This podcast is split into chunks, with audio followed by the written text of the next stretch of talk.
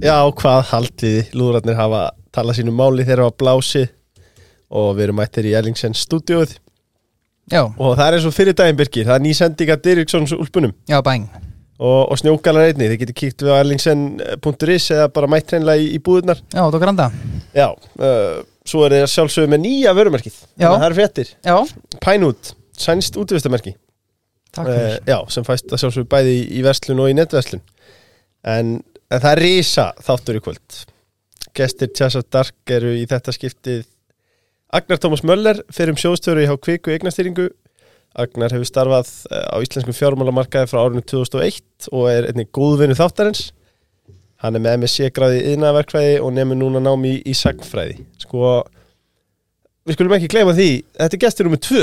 Já, þetta er það. Þannig að ef að menn grúska ansi langt aftur Já. þá má finna, sko ég mæli samt með því að taka hann á YouTube af því að Agnar var hérna að taka menn og pakka þeim saman Já, já, sem að vera að tefla, sko. viskubrunnum sko. Uh, en, en sko þeim með alveg leiða hugan frá hljóðinu. Þetta er að læra ímislegt þarna. En, en við byrjum á því Agnar. Uh, hvernig liggur á þér og hvernig gengur í sakfræðinni? Já, það gengur mjög vel. Þetta, ég er að sé bara eftir að hafa ekki byrjað þessu fyrir 20 árum síðan. Já, En nei, það er nú líka ágætt að hérna, skipta um, um í hálfleik og, og hérna, ég sé ekki eftir því þetta er alveg svaka stuð Já, vel gert, vel gert að skipta í hálfleik Ég kann að, uh, minnst það töf um, Hvernig kemur það samt til að maður sem starfar í fjármálaheiminum nær allar sinn feril tekur skrefið að hætti kvikku og læra sagnfræði? Sko, það er nú kannski nokkuð einhver ástæð fyrir því að meðan annars náttúrulega var nú að það var nú lág fyrir á þeim tíma að konu mín var nú að fara í pólitík og Mhm. vera, vera bæjastöri og hérna var svona eitthvað sem saði við mig í, í hérna að kannski væri þetta tími til þess að gera breytingar ef maður villi gera breytingar á annar borð. En það var nú reynda þannig að það var búið að blundi mér svolítið tíma að hérna ég hafði áhuga að, að, að hérna jafnvel að gera einhverja breytingar. Uh, og ég var alltaf verið alveg rosa var svona farin að átta mig á því að kvöldin hjá mér fóru svona meiri að le lesa bækur sem tegndust oftar en ekki sagfræði og einhver tíma fór ég bara álpaðist ég inn á VF sagfræðitildar þetta var ekkert planað. Bara var eitthvað álpast að inn og ég fer eitthvað að skoða námskrána og ég bara, já, þetta, þetta er spennandi. Og svo bara, ég er búin að skoða það sem er bara allt spennandi.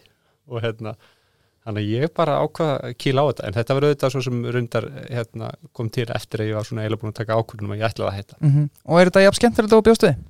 Miklu skemmtilega. Já, Já, þannig að ok, þannig hvernig maður til að vera sagfræði já, ég verður nú kannski bara komið að liðina hérna, það er, hérna, þetta er svona námið aldrei skemmtilega en, en kennarði sem að kenna að gera það og hérna, það hefur komið mér verulega og ekki, bara ánægilega og orð hvað hérna, bara mikið að hæfu, hæfum og flottum kennurum í deildinni sem að gera námið hérna, uh, áhugavert og skemmtilegt. Algjörlega Ekki spurning Sko Þarf Stefán Pálsson að fara að passa sig? Er ATM mesti sakfræðingur þjóðar? Ég hef nú reyndar engin slík masterblöð þannig að það er kannski hérna, já, nei, það, við skulum sjá til, við nú bara rétt að byrja. Já, við já. útilokum ekkert uh, En svo erum við einnig með Þór Pálsson Þorstuðumann fjárfestinga hjá Sjófa og, og fjármála sérfræðing með meiru Hvað segir, hvernig líkur á þér, Þórður? Það líkur alveg ljómandi vel á mér. Já, Ég er að vísu orðin og gammal til að læra eitthvað nýtt. Ég held, heldur bara við það sama en það líkur bara mjög vel á mér. já gott, gott hvernig lífið í tryggingabransanum? Ég held að það sé bara alveg príðilegt. Já, Allavega gott hjá mér. já, er ekki samt tryggingamenn alltaf með í maðurum þegar það er svona lægði við landinu? eða? Nei, þetta er bara, þetta er bara businessin. Já, já, Svona eins og svona svipað eins og að segja það að kaupmaður var alltaf með nút í magana með að vistafinnir í versluninni. já, ok. Um, sko, fyrsta spurning þáttarins, hún er á Agnar. Hvernig var upplifun þín að vera nýbúin að taka sæti í stjórn Íslandsbanka í mars rétt áður en sáttin byrtist og í framhaldi dettur meiri hluti stjórnamanna út í sumar? Uh, Hvernig horfði umræðan við þér og, og öðrum stjórnamannum? Já, það er Byrja bara- já, já. Bara, bara beint í bolta Já, já, já, við erum ekkert að fýblast þetta Já, já, ég segi ég, hérna,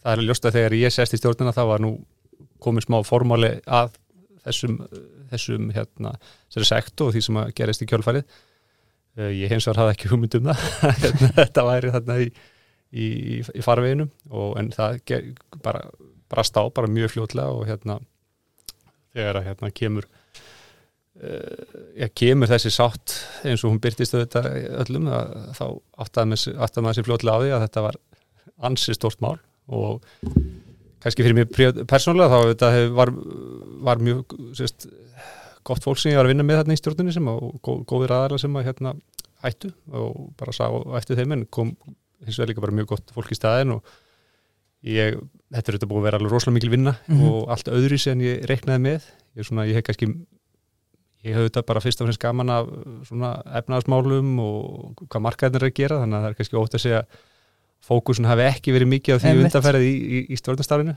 en, en einhvers ég er alveg ákala lærtónsveit að fara í gegnum þetta og, og, og vera að vinna að þessu. Þannig að ég hérna, er bara peppaður fyrir þessu, þessari stjórnasveitu þrátt fyrir þetta. Já, algjörlega. Sko, já Birkir, ef að hvort selabokkin hefur eitt full hátt til högs Ef við ekki bara, vitum við kannski svarið bara? Já, ég Já, já. ég skul, hérna Það er of langur þáttu til þess að fara á því sögum Við erum svo mikið um að tala. Þóluður, mér langar að taka eitt fyrir. Uh, Senast þegar þú komst til okkar talaður um mikið um verðlaga á hlutabriðamarkanum uh, Núna erum við með meginvexti 9.25 Það er rámdýrt að sísla með íslensk hlutabrið eða hvað? Sko, það er nú alveg á reynu og hérna og þú verður með sagfræng þá bjóðs ég við að hann myndi grípa inn í þessa sögufölsum þína sko. Spesifístum í hérna á, á, á hlutabræðamarkaði en jú, jú, núna er þetta þannig að bæði hérna og í öllum heiminum að það eru gjörbreyting á að fjármagn er komið með verð.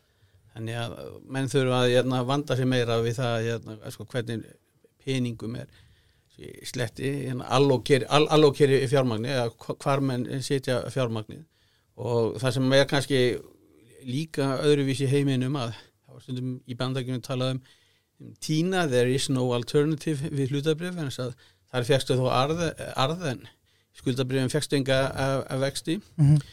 og það þýðir það að það er komin sko hérna, fórnarkostan er, það er raunverulegu möguleiki sem getur kannski verið í, í ríkiskuldabrifum sem að, að því gefnu að þeir séu stutt að það sé örug, örug ávokstun, ég minnst að kosti ekki greiðslufalls á þetta Þannig að, að jú, jú, þetta er hérna, segja, þetta er orðið, orðið vandasamara verk eins og það á að vera. Já, lega bara fagmannum um þetta. Já, er, er þetta samt sko, er þetta þróun sem við sjáum, að, að við tölum að fjármang sé orðið bara dýra og dýrt, er þetta, er þetta langtíma þróun eða erum við að sigla inn í bara nýtt skeið einfallega?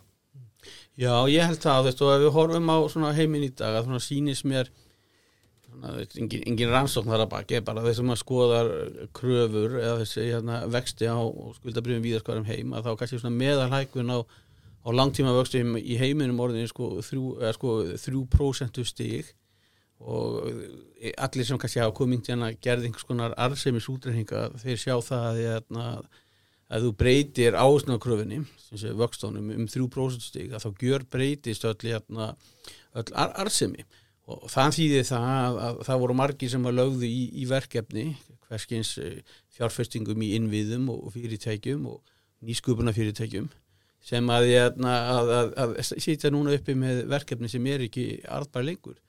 Og hinnliðinni þá segir það eitthvað líka það að það er af fólki sem tók einhvers konar áhættu annarkvæmt lánaði eða ekki hlutablísa fyrirtækjum sem er, sem er miklu minna virði. Og ég er þarna það mun taka tölverðan tíma að vinna úr því.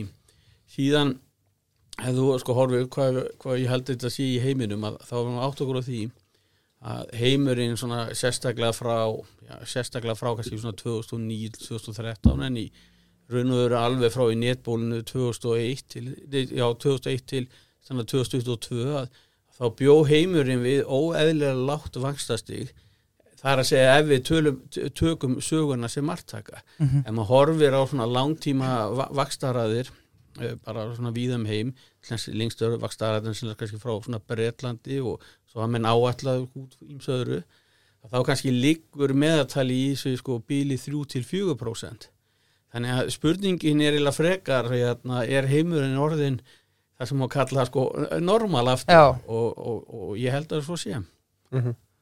Já Samanlega sagnar? Já, ég og Tóti hefur svona verið að kannski að óvinnum mikið sammála senustu misserinn, við vorum vel gríðarlega sammála um margt en, en eins og Tóti segir þá hérna eh, sko eh, talar um þessa breytingu á vöxtum Mhm. 3% eh, sko, við- ef við notum í rauninu bara svona langtíma ræfumværstastíð í bandaríkunum sem einhvers konar mæli hvarða á eh, hvaða, hvaða vakstastíð sem hefur mest áhrif í heiminu í dag, þá eru þetta bara komnir í dag með raunvexti í bandaríkunum svipað svipu gildi og 2006 Mhm. jafnvel fjögur og Tóti hefur náttúrulega í öðrum hérna, þáttum einmitt tvær ágætlega yfir veist, þessa stóru þætti sem er að sem er að stýra för og, og það er náttúrulega eins og sko, þetta flúta líka svolítið við sko þegar að hérna, Kínaraunin er hleyft inn í alþjóða viðskiptastofnaði vaftjó Mhm. og þeim er hleyft þar inn og allir eru rosalega bjarsínur um að, með því að hleypa kynverum inn í alþjóða hérna, heimshagkerfið að þá munir það svona demokratísera landið. Já, en nú er þetta, þetta allt svolítið að ganga tilbaka. Bæði þar, þar að segja það er vonur um að Kína erði virku þáttangandi í hinnu alþjóðlega efnaðarslífi og svo auðvitað bara líka þessi öldrun sem er í gangi í Kína og, og ákveðin svona hæk, þeir eru ekki jafn samkjöfnsfærir og áður um að, um að flytja út þessa verðhjöðnun sem að kannski hjælt svolítið mikið niður í vöxtum þannig að þetta er að segi, ég myndi segja að þetta sé frekar svona aberrationu sem er að ganga tilbaka að einhver leiti og, og svo kannski ef maður horfður á Ísland þá er maður kannski veist, eru við ennþá ung en við Mhm. erum að eldast og hérna sama tíma við erum að eldast þá er alveg virðist eins og okkar heilbriðiskerfi vera alveg ákvæmlega illa rekið Já. og vera að taka ákvæmlega hverjum degi líku sem að gera það ennþá verið regna Mhm. finnst mann stundum þannig að maður er svona ekkert alltaf bjassinn heldur sko með við séum rosalega vel stakk búin til þess að takast á við þess að miklu hækkun vaksta sko við þurfum alltaf að fara að gera ráðstafinu fljóðlega já, Mhm. algjörlega En þetta er góð punktur sem að þeir eru bara að segja að þarna strákar eins og skiljum að þá kannski er þetta þá kannski venjulegra ástand heldur en þetta er ekki frávik þetta er bara frekar bara svona er þetta er, undir aðlugum kringumstæðum eða hvað? Já, já, svona hefur þetta, hefur þetta verið megnið að tímanum og svo er þetta það er svo mikið tísku í dag að, að vera svarsýn og það er kannski ekki síst út af því að þau vorst að taka svona stóra breytingar og sérstaklega ef að þarf að, að, að, að, að laga místök hérna undanfarina 15-20 ára að, sem getur þetta verið sásökafullt að skulum ekki gleyma því að, að, að í svona oft á tíðum í, í mjög háum vöxtum það hafi verið mjög mikil framfara skeið þannig að það er ekki eins og það hafi allt verið á, á hverfandi kvili meðan að vextir voru nær- nær raunveruleikunum þess að við erum að horfa á í raun og veru allt þetta framfara skeið í hérna svona, hins vestrana heims sem hefur átt sér stað í tiltölu að háu vextaskeiði og, og, ég, hérna, og ég held að sé inga, engin ástaf fyrir því að, að svo get ekki verið áfram þó að þetta séu líkur á lofti núna og kannski meir en ofta áður. Já, að því, að því, einmitt, mér langar aðeins að takla þetta sko, mm þú veist, við erum að tala um það að þetta lágasta skeið hafi mitt freka verið frávik heldur en að núna þetta herravaktastig sé frávikið. Sko, sáuð þið einhvern tíma fyrir ykkur á þessum tíma að þetta gæti verið eitthvað sem myndi halda jafnvel lengur en þessi tíu ár sem að rúmin sem við höfum þú, þú veist aldrei sko hvað svona, hvað svona hlutir var í langan tíma. Nei, Og ekki einu sinni þið. Það er náttúrulega sko veist, til þess að svona átta sig á, á, á fjármálum og þú geta fylgst með þeim og myndið skoðun þá er grundvallar reglan sko átta sig því að það veit engin neitt veist, að allt þetta fólk sem hérna, sem kemur úr alþjóðlegu stofnunum og sæðlaböngum og öðru slíku sko, það, það er bara veist, það er að, bara aðeins minna klúles en, en þú, veist, en þýðir ekki að það sé ekki klúles það er það, Já. það veit engin, engin, engin neitt sko, hvað, hvað framtíðin ber í skauti sér og sem betur fer. Ég held kannski svona, ef maður, við sýnum svona að uh, þeir sem skiptast kannski anstæða fylkingar eða hafa mismunandi skoðun á því hvað þetta mun leiða, mun, mun semst, munu vextir haldast áfram vera háir og þar það og sérstaklega raunvextir eða, eða, eða hinn hin kannski sem benda á það, alveg réttilega að, að sko skuldasöfnun víða er orðin ansi ósjálfbar og þá er bara spurningin hérna uh, mun það gefa eftir með þeim hætti að seðlabankar þá spili bara reynilega með e, ríkisstjórnum og eða, ríkisvaldunum eins og til dæmis í bandaríkjunum.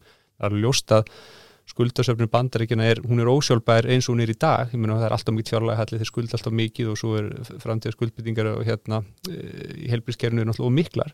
Lúta þeir öðrum reglum að þeir eru aðalmyndin í raun og veru sko, þeir hafa náttúrulega hingað til geta rauninni fjár, fjármagna frekar auðvitað eru kynverðar virðast vera hættir að kaupa skuldabrið og þannig að það er ímislegt sem er að tjarma að þeim og bandarski selbankin náttúrulega sjálfur að selja skuldabrið sem er svona bara uh, þáttur í því hjá þeim að að fara gengur og vel, vel í hakkerunu Mhm. með við hérna, verðbólgu þrýstingi sem er í gangi en punkturinn var kannski þessi að, að hérna, jú, jú, ef sko ef að ef að þú vilt raunverulega veðja á það að seglabankar byrji bara að kóa aftur með ríkisjóðum seti bara vextina niður, raunvextina niður. Þú veist, þá mun það náttúrulega bara leiða til óðaverbulgu Mhm. þegar þú ert með svona miklu skuldir.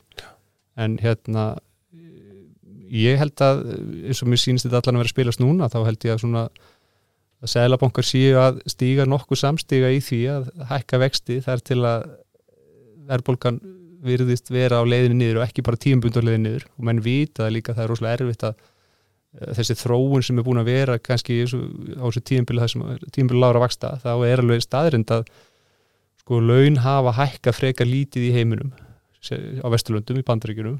Og menn auðvitað þetta- þessi lága vestur hafa hækkað eignaverð, það er bara staðrind og, og staða verkalýs félag er að eflast bæði í Európu og Bandaríkjunum, sjáum þetta í samningu sem er að gera til dæmis hjá flugfélögum og víðar að, hérna, að, að þetta er náttúrulega eina stóru breytunum hvernig framaldi mun spilast. Þú veist, munu bara verkefliðsfélögin og bara ná í þessu lága atvinnuleysi, þetta er sögulega lága atvinnuleysi eh, ná að styrkja stöðu sinna áfram. Og þá er náttúrulega er viðbúið að vaksta stíði þurfa að vera ennþá að herra til þess að halda aftur af svona þessari verbulgu sem er að grassera.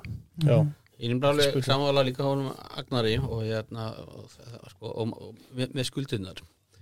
Og skuldasöfnun í öllum vestlana heimi er, er algjörlega sjálfbær. Og, og á sama tíma erum við að fara í mjög miklar, kostnamiklar aðgerðir. Það er náttúrulega sko öldrun, öldrun þjóðana það er möguleg orkuskipti það er að gera tilbaka fram, framlæslu keðjöfna sko og hérna, sem að mun gera alla, alla, alla vöru miklu dýrari. Og þá hérna og þá ertu með þrjár leiðir til að takast á við það. Það er hann að hvort að skera niður ríkisútgjöld og hérna að hagraði ríkisrækstri Það er erfitt. Það er engin stjórnmálmaður á því. Nei.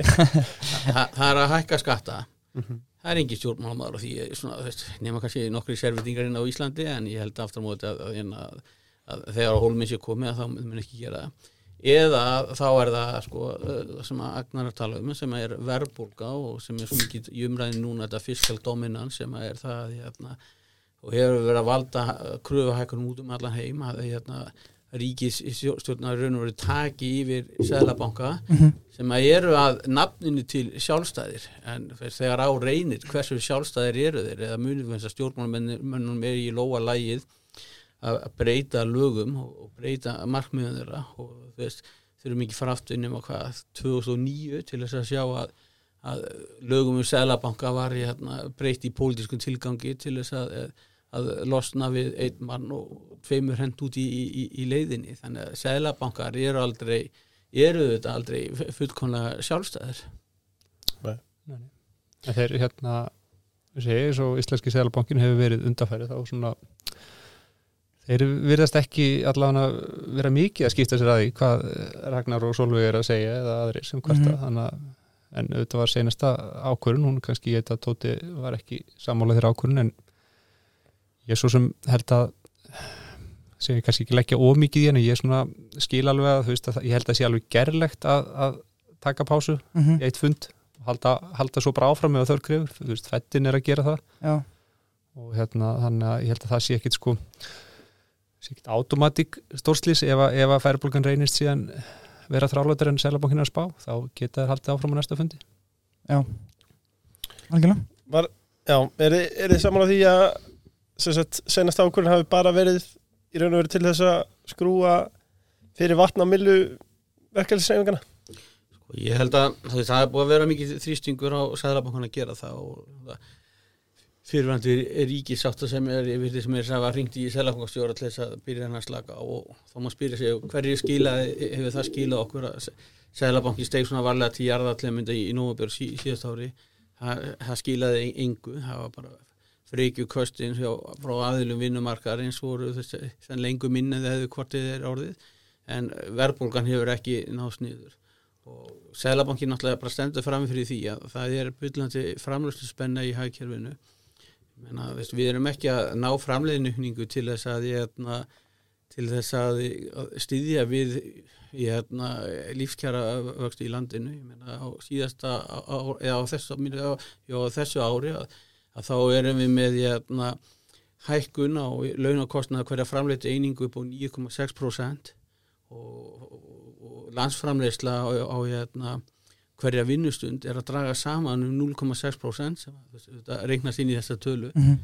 þannig að, að við, ker, kerfið eru þetta ósjálfbært en það eru þetta ekki Sælabankan og Sælabankin getur ekki sagt um það hvernig aðilar vinnumarkarins semja sín á milli. Það eru þetta samningafrelsi og þeir verður að gera það til já, og þann þeir telja farsalast en það, ég held að það sé nokkuð ljóst að við náum ekki tökum á, á verbulgunni fyrir að myndist um það almenn sátt og skilningur að verbulgan sé eitthvað sem við verðum að ná, tökum á og hvort að það takist núna í, í næstu kjærasaningum, það eru þetta alls ekki útilokað.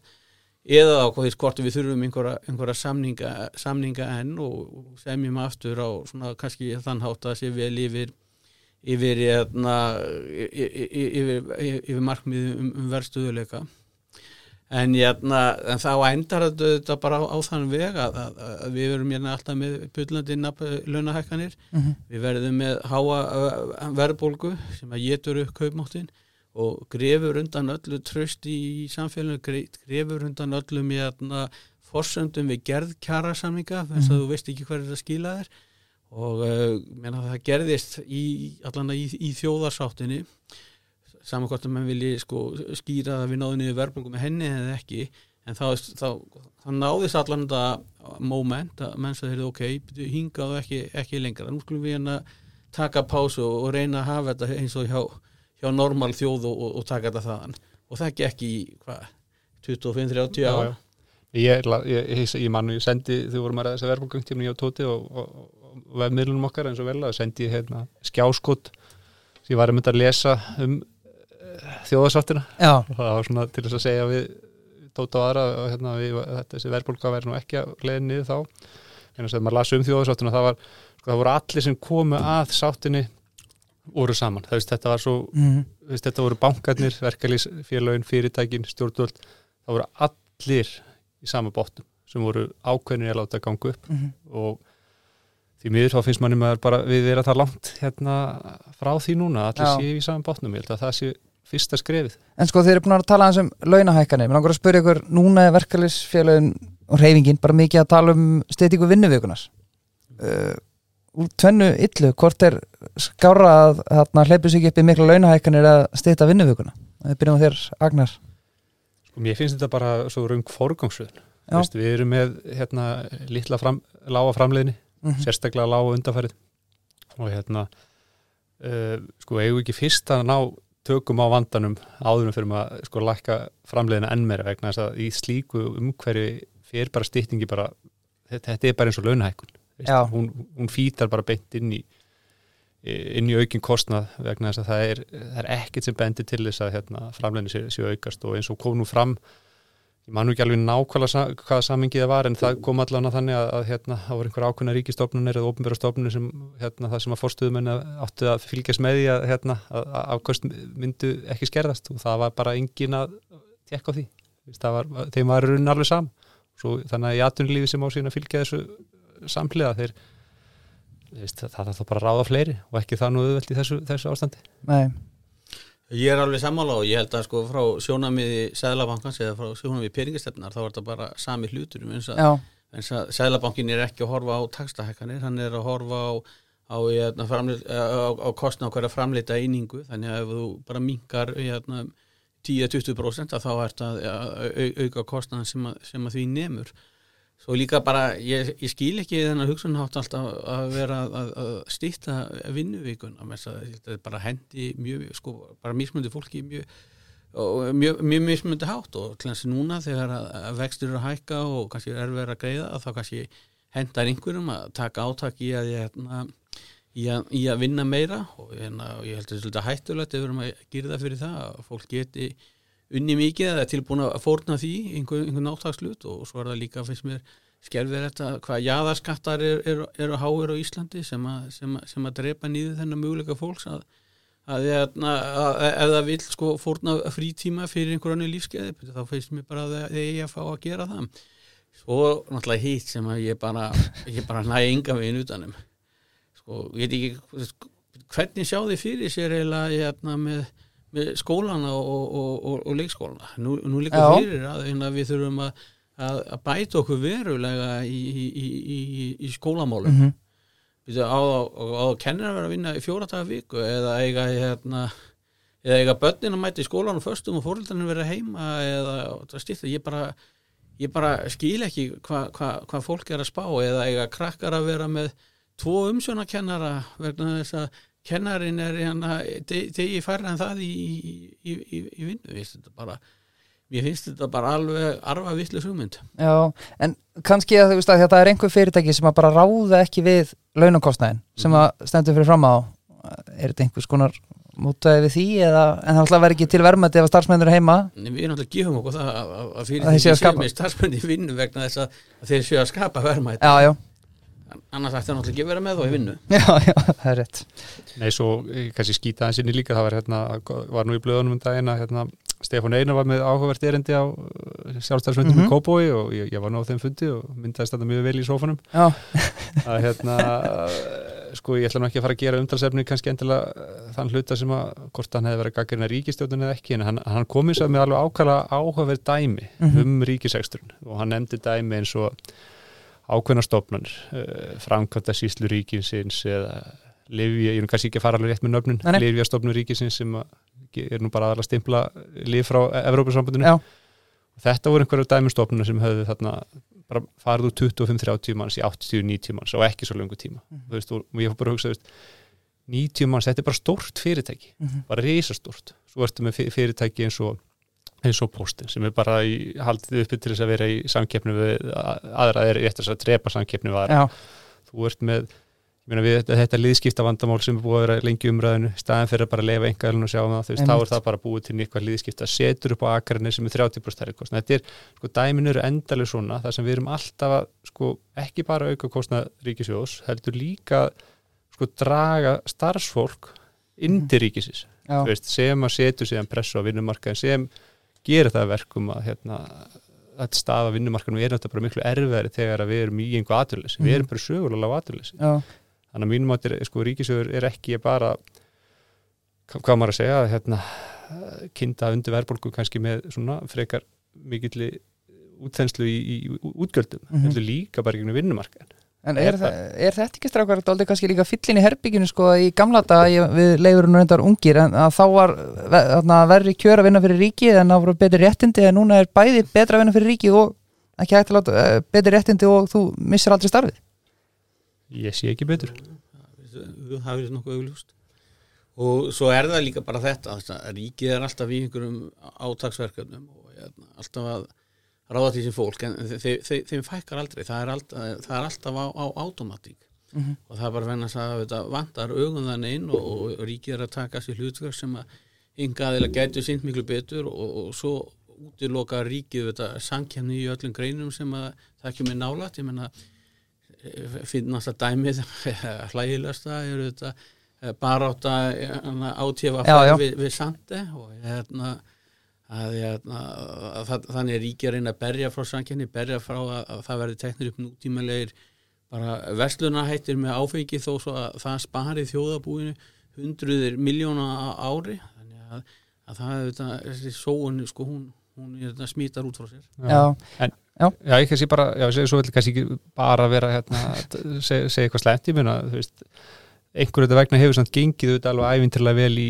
efna, í íslensku efnarslíf og ég meina við erum hérna eins og hefur oft verið ræk, rækja áður með alveg ótrúlega öllu fyrirtæki sem eru að skila gríðalum sköttum og, og ég meina einhverju liti getur við þakka það í eppil að, að ríkistjóðin hefur verið tekið ágetar ákvarnir í að styðja við nýsköpun á Íslandi þannig að mm þetta verður allt haldið saman. Að sama tíma við erum kannski eða miklu peningum þá hefur líka sáð vel, vel í, í sörðin og það er að skila sér. En ég hef eins og svolítið ágjör að því að sko, minna, það gekk ævindarlega vel í fyrra ríkisjóður þannig skilaði samt ótrúlega góður afkomi mm -hmm. en mér finnst svolítið núna eins og sko veist, nú er vakstakostnaður ríkisjóðs hann er, hann er sko að hurrast upp. Hann er, hann er að aukast alveg gríðarlega satt og ekki, ekki hérna síst kannski ljósið er hvað ríkisjóður er náttúrulega bara fjármagnar sér stutt þar sem er vextinur og hæstir. Þannig að mm -hmm. þeir svo, svo gera vandamálið en þá verða því leitum til. En anyways, svona það er smá ágjörði því núna að við séum að koma úr svona mjög mikil tekjueikning en svo um leið að hún stoppar mm -hmm. en þá sé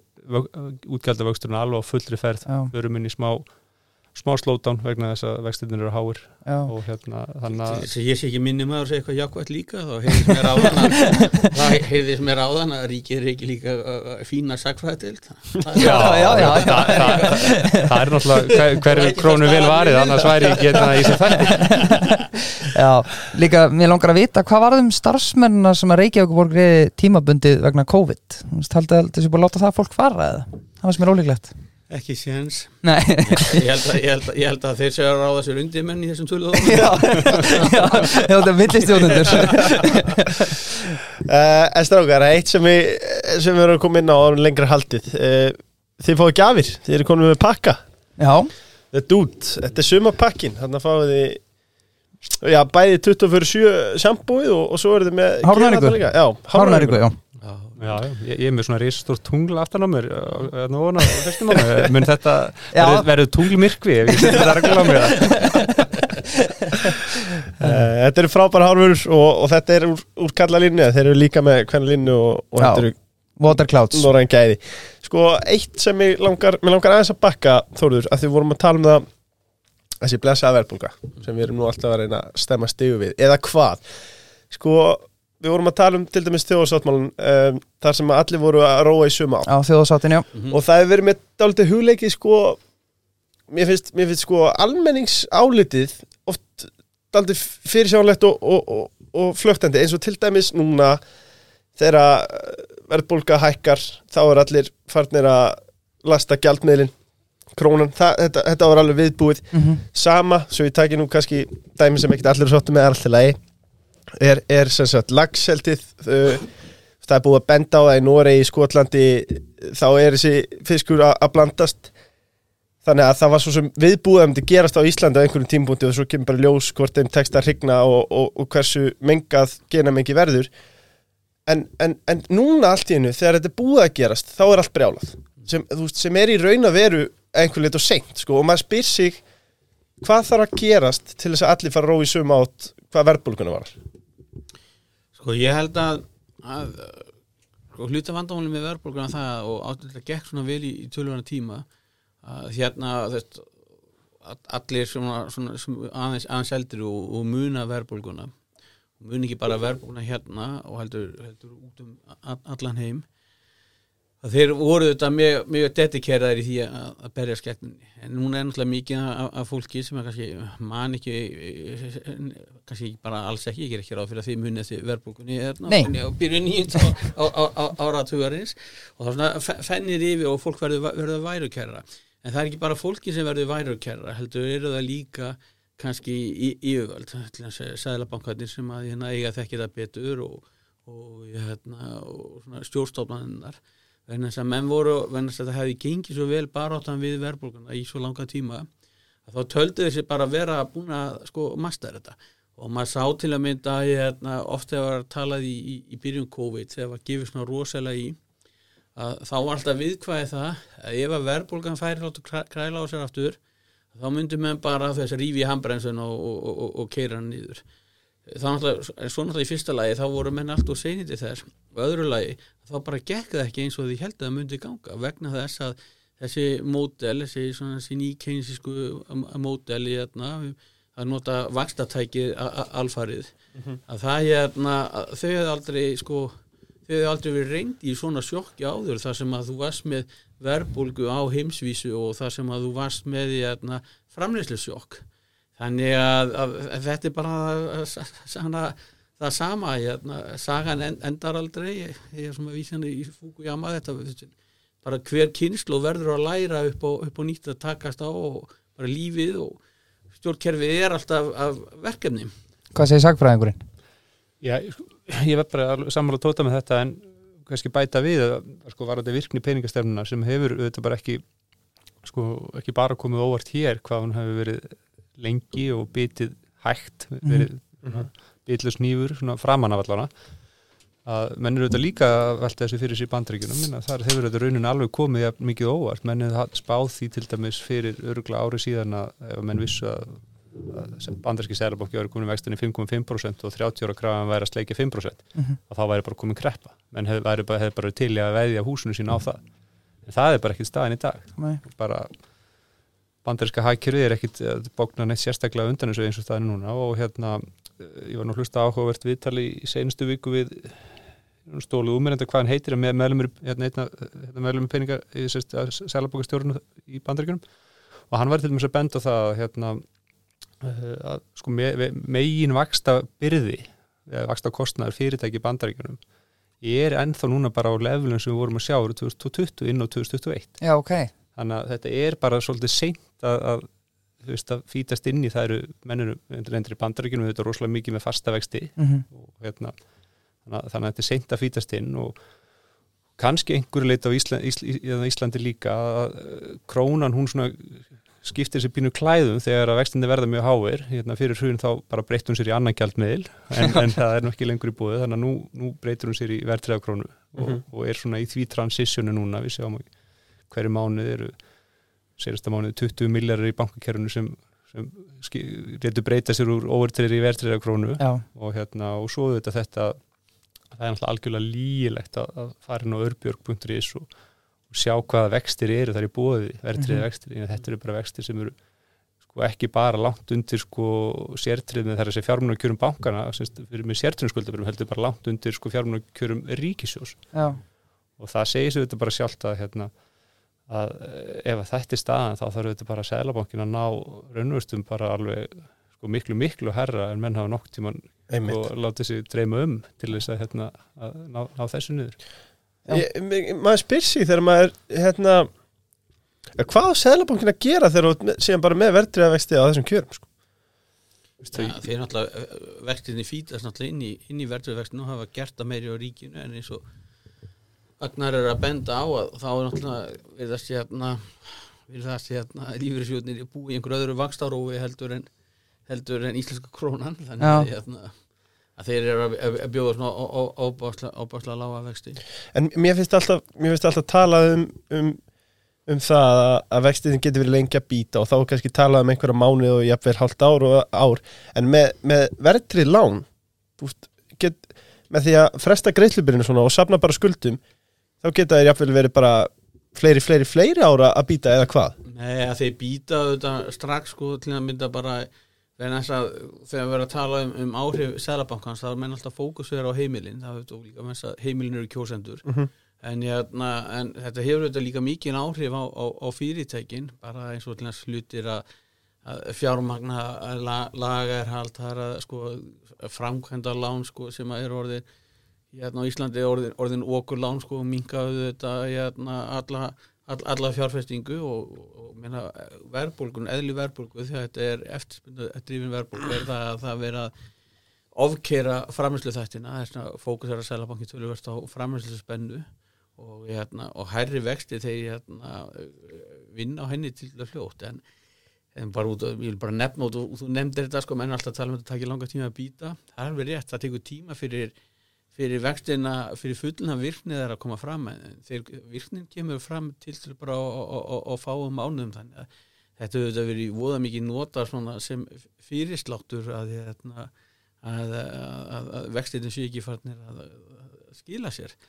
Svona svipa, við bara nefna annað dæmi, það er með hérna, fasteinamarkaðin nú býrstist tölur fasteinamarkaðin í dag og tölur meiri hækkan heldur en flestir vonuðu en það er náttúrulega alltaf jæna, alltaf þegar að fastegna verð hækkar meira heldur en við höfum vonað þá, þá nefna þeir að þegar við séð í, í, í smartlandinu einhver frægu var að kaupa dýra í það lítið að skýra þetta en, en nú er þetta ástand bara búið að vara í, í, tvö ár þannig að það ættur lungur á fylgtarast út en, en gerir það ekki Þetta þetta er samt góða punktur með, með vinnumarkaðin, maður áður til að glema sér aðeins í fastegnumarkaðinu, ég sérstaklega.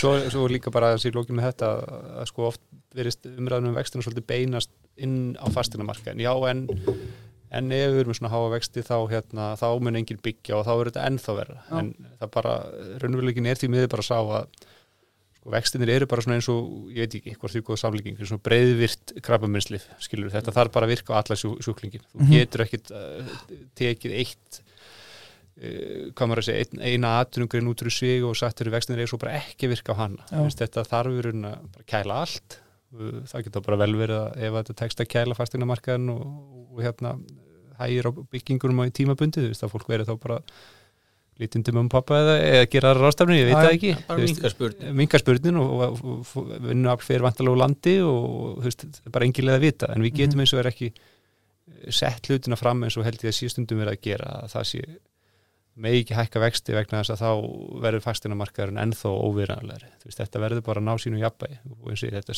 slæðir á spurnina, slæðir á fjárfestingar sem að já, hérna, nær, nær þó upp niður framlýtspönnu sem ég held að sé Já. svona líkillin að því að, að hérna, við náum til dæmis einhverju lendingu vinnumarkaðin Já, hafa, hefur ríkistjórn og bæjarfélög brúðist íslensku þjóðinni hvað var uppbyggingu húsnæðis á síðustu árum, sérstaklega ef við lítum til Lára Vaksta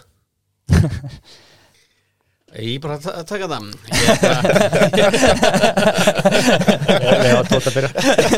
Já, veit, hérna, það er náttúrulega alveg með ólíkindum að, ég, hérna, að það skildi að tekist að búa til lóðaskort í Íslandi. já, Við erum eitt strálbílista land í heimi, við erum í byggingarlandi í kringum allt, allt í kringum Reykjavík en í, í nafni einhverjar þéttingarstefnu sem að er bara áhugamál örlítils hóps í kringum ráðhúsið að, hérna, að það skildi hafa hérna, búið til lóðaskort að það er það er að mínu mati alveg ófyrirgjöfanlegt og hérna, það er fullt af byggingalandi sem býður eftir að, að, að, uppbygging verði hafin á og uh, spurningin er bara að gera þetta. Síðan koma stjórnmálamenninir alltaf þeir, þeir eru alltaf með bara hérna, ein- eina lausn, það er að kasta pening á vandamálið. Og mér er svolítið óbóðið núna en þess að mér ekki ríkistjótin hafa tekið verðbólgunan og alvarlega að þessi sko blessuðu hlutildalán eins og ég nefndi á þannig að þá voru koma tölur núna um, um hækkun fasteinumarkaðarins Mhm. og ég er algjörlega samfærum það að það sé meðal annars vegna þess að, að hérna, ríkistjórnin fór að, hérna, að, veita þessi hlutildalán það kyrði bensínin á fasteinumarkaðin og veist, það að, hérna, að, spenna upp, upp spurnina og, og það að spenna upp verðið það er ekki að sko, leysa fasteinumarkaðin það er ekki, hérna, það, er ekki það sem að markaðurinn þarf, núna að, að fólk komi inn í háa vexti og á háa verði. Að gera það ennþar vera. Það sem að þarf auðvitað að gera er að það þarf að einfalda þetta ferli sem er í kringum byggingumarkaðin létta og, og, og, og reglugerðum búa svo hnútan að það sé hægt að, hérna, að, að byggja hérna ótrúður íbúð. Það þarf að auka, auka frambúði og það gerur annars vegar með, með lóðum og svo hins vegar með því að, hérna, að, lækka verð við, við, bygging, við byggingar. Þá, þá kannski eigur frambúðið en þess að þú heldur frambúðinu hérna, óbreyttu og, og, og spennir spurninu þá bara hækkar verðið. Það er enginn að byggja um það.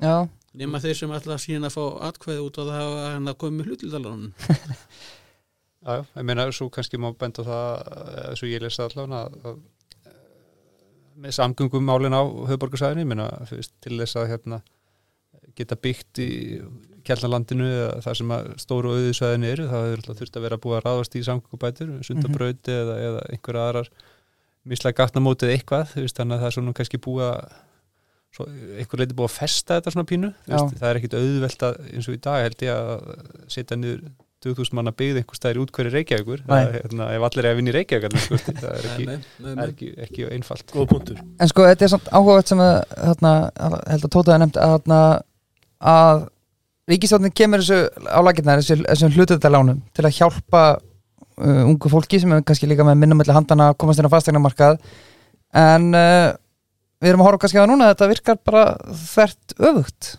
Já, kannski ekki þarf auðvitað en þetta allan að spennur verðið, ég held að það sé alveg eða það er það sem að, maður bjóst við að myndi gerast og það Já. er það sem, sem ég held að við sem að sjá að er að gerast. Til að mynda í dag þó að það er ekki hægt að slá en, það er nú eiginlega bara svona common sense. Já, Já, eh, það er eins og bendir á Agnar sko varandi innviði og samgöngumál það þyrfti náttúrulega að bæta úr þeim. En, en ef við leggjum það til hlýðar sko varandi lóðaútlutanir hvernig er best að útfæra það því við tölum um það að það sé ekki endilega alltaf lausnir að kasta peningum á, á vandamáli um, en til dæmis eins og við, mynd, ef við myndum núna bara ekki einu svona bjóð útlóður heldur bara að gefa þær. Þá erum við í raun og veru samt mögulega kasta peningum hin, á hinarliðina eða hvað Jú, jú, þá er hérna, er þetta bara þeir sem að fá, fá lottovinningin Já, en það er ég, hérna, ég er bara að segja að við ættum að áfram vera með lóðútlutinni sko, byggt á, á einhvers konar markaðsverði en, en, en bara með því að auka frambóð á markaðanum og þar með að lækka verðið E- Erum við bara ekki að bjóða út lóður? E, e, hvar, hvar strandar þetta? Afsaki fáfræðið minna, vitið þið það? ja, bestu kannski að maður bæðistunars Ég get allavega sagt fyrir hönd bæjastur að hérna, hérna, lóðirnar í Kópói sem dæmi eru bara búnar. Já, ok. Þú veist, það er enga fleiri lóðir. Þú veist, það er, það er einhver verkefni eins og hérna ég er nú ekki sérfæðingur í þessu kona mín alltaf svo þreyttur hún kemur heim á kvöldin og hún er ekkert að segja mér hvað nákvæmlega hvað var að gera. En hérna eins og bara ný, við nýbila veginn og þar fyrir og þar fyrir og hann Já. auðvitað ímis verkefni gangi en það er engar Mhm. lóðir, ekki nema auðvitað hérna, þá upp í, upp í Vassenda. Já, það er svona framtíðamúsík þannig að, þannig að st- stóru lóðirnar eins og ég skilða eru þetta bara í, í hérna, út, út í örum höfuborgarsvæðisins þannig að Kópavur er bara uppseldur? Já, hann er, það er unni Já, það er líka gott að búa þeim Já, það er mjög eftir svo Já, já, ok. Eh, stráka vendum Andaði léttar heima hjá þér. Vendum býður upp á loftskiptakerfi fyrir íbúðarhúsnæði og, og minna atvinnuhúsnæði. Og markmið vendum er í raun að bjóða upp á vandarlausnir og framúskafandi þjónustu. Mm, Það er allt annað að vera í húsnæði sem er vel loftað Já, það er bara þeir eru, ég, sko ég hef komið í margar íbúður sem er af hana og þetta er næstu eins og verðandi byrjum heimni þetta er það er eiginlega ekki hægt að fara í íbúð sem er ekki hönnuð á þeim eftir það sko. trúlega gott, góður loft, loftskipti sko. en svo erum við líka með David Jones uh, sem gera Já. döðlur strákar, er þið ekki búin að geða ykkur á þessum döðlum hérna fyrir framleikur? Herjú, ég var að fá mér svona uh, áðan uh, með svona, hvað er þetta, pipar Já, saltlakri svona saltlakar, Já, já, mjög góð, ég Já. er mikill dölum aður sko. já Þetta er líka mein holt Jú, sko. er það er svakalega gott. Já, Fóruður búin að há með því ég er líka, ég er veiku fyrir þessu ég get ekki hætt þegar ég byrja. Hann er aðgátt skal höfð.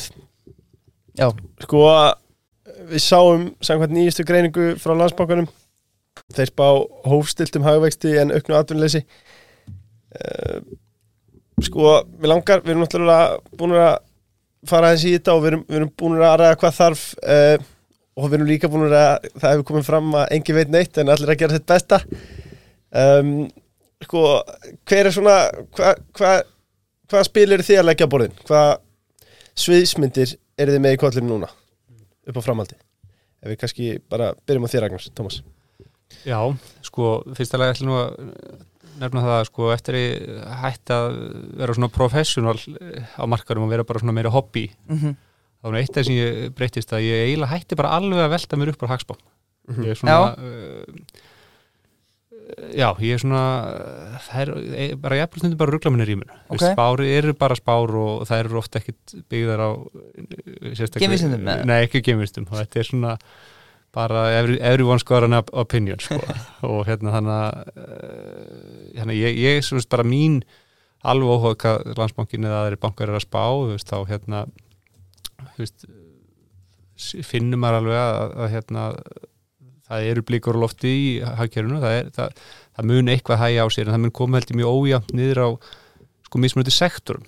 Þú veist, og að það sé kannski aðalsaga núna að veist að sektorinn sem eru bara ósankjöfni sæfir í launum og hérna eru að kannski sérstaklega uh, fá mikið á það, Hvaða marka er, hvaða sektor er að tala um þetta? það held ég að sé bara uh, þá auðvitað bara bæði þjónustu gerinn eins og hérna veit, veitingagerinn og Já, svo held ég líka örgulega bara retail gerinn líka svona almennt séð ég held Mhm. að það sé að draga svolítið úr uh, við veitum sjáum svo sem í tölunum að þú veist að kortanislan er aðeins að hún er að bókna aðeins og svona þótt ég mikið lesin að sterkar greinilega tölunum það þá heyrir maður líka að fólk er svona að byrja að hæja verulega á öllu svona stærri innköpum, stærri fjárfestingum Mhm. í, á- inn á heimilið.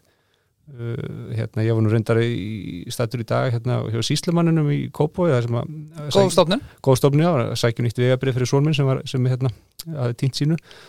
Og það var bara ekki kjaftur að inni. Ég bara man ekki eftir að hafa komið inn, inn til síslumannsins Kópói að þess að sé bara algjörlega stappað veit ekki hvort að það sé sterk vísbendingum að fólk sé að hægja sér Já. utanlandsferðum líka en, en hérna en samt sem aður það er svona þú veist, ég held að það hérna, við unum alveg sjá hluta á hækjörunu hérna hægja sér en, en vandinn er bara hins vegar í svona þessum hvað maður að segja, peningarlega uh, sjónarmiði Mhm. það er að það er bara kannski sá hluti hækjör sem skiptir mestu máli þeir hlutar, þeir eru alltaf bara er á blúsandi siglingu og eru bara með öll ekkert sem bendir til þess að hvort sem við horfum á ferðarþjónustuna eða sjáurútvin eða, eða hérna, bara ímsa aðra aðtunum gera sem eru hvort sem er hugbúin að gera sem dæmi sem er til dæmis er í auknum mæla að koma sér fram hjá hennum íslenska kostnaði. Mm þetta er bara alltaf á blúsandi siglingu og hérna þannig að þú veist kannski svolítið með svona tvískipt hagkerfi kannski hort inn á næsta ár. Já, Eh, en ég, móti ekki með þá held ég, þá held ég að hérna, þetta ætti að létta aðeins á spennun á vinnumarkaðunum ok. Þessi tróun Já, við sjáum bara sem dæmi á Þóru tökum við að atna, ég var að lesa ykkur atna, ykkur greiningu varandi til dæmis bara svo festi og ölgerina og fleira og, og þau eru búin að gefa bara út að framlegin hjá þeim er bara að fara að lækka. Kostnæður að hækka, þeir þurfa bara að lækka framlegin sína. Kostnæður að aukast að móti. Þetta er, eins og Agnar segir þetta er brekka fyrir marga og kannski sérstaklega þá sem eru treysta mikið á starfsfólk sem er að fara að hækka vel í launum og svo framvegis Hvað segir Þóruður? Já, já, og hérna og, já, já, það, það þetta veist, hérna ég held að verðbólgan hún fari ekki nýður án þess að við sjáum einhvers konar samdrátt og, hérna, og hann muni eins og Agnar orða svo smekla á hann er hans í lí- líf og, og farið við alls saman og hérna, en eh, ég held svona með með sko með verðbólgun og, hérna, og, þess að hagspá þá hefur við ekki lesið sko hérna hagspá og landsbankan því miður en ég sko, ætla að skoða hérna hagspá Sæðlabankan sí, síðustu. Og það sem ég spyr út maður svona áhuga á sviðsmyndum þá spyr maður sig veist, hvað, hvað gæti farið úrskeiðis í, í þessu? Og hérna og þá til þess að horfum, horfum á það að hérna, fyrir að gera til þess að nániði verðbólgunni þó ekki sennilega fyrir árinu hvað 26 Mm -hmm. Að þá ég hérna, að þá einhverstað nálægt markmiði að, að þá er það að gera ráð fyrir hérna, forsendum um, um, um, um, um kostna hverja framleiðið einingu, ég held að minna að sé 5,3% á næsta ári og 4,5% árið eftir. Og, ég held að þurfi tölvært mikið að, að breytast á, á, á vinnumarkaði til þess að það gerist. Síðan eru líka að gera ráð fyrir að verðbólgan til mynda viðstælöndum okkar á næsta ári verði 2,6% hefna sem að segir okkur reynda það að þeir hafa ekki trú og, og, og, og kollegu sínum í erlendu selaböngum eins og þeir eru með verðbólgu markmið um, um 2% en, en þetta eru þetta hlutur sem að gæti líka eh, sko fari verulega y- y- y- yfir.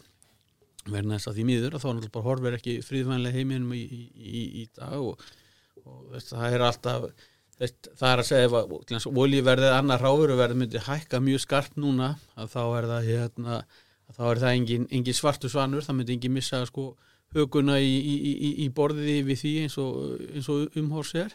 Og, uh, og, veist, og þeir eru að horfa á, á verðbólgu það er mjög gott og þess að hugsa veist, að, að þess verðbólgan getur verið eh, sko tvennskonar annars vegar er það hérna, ertu með eftirspurna verðbólgu og, þess, og við erum klárlega með hana í dag.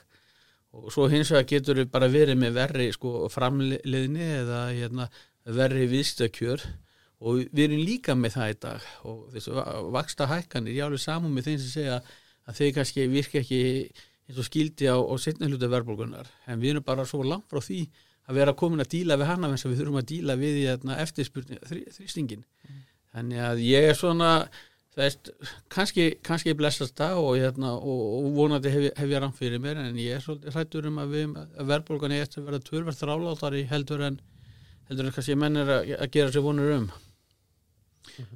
já, ég ætla líka bara að nefna það veist, að, það var bara nýlega, það var núna í, í september að þá kom út skýsla frá sem var eh, IMF ga- gaf út sem var rannsókn á, 100 skeiðum eh, sko, þar sem verðbólga hafi farið upp á við.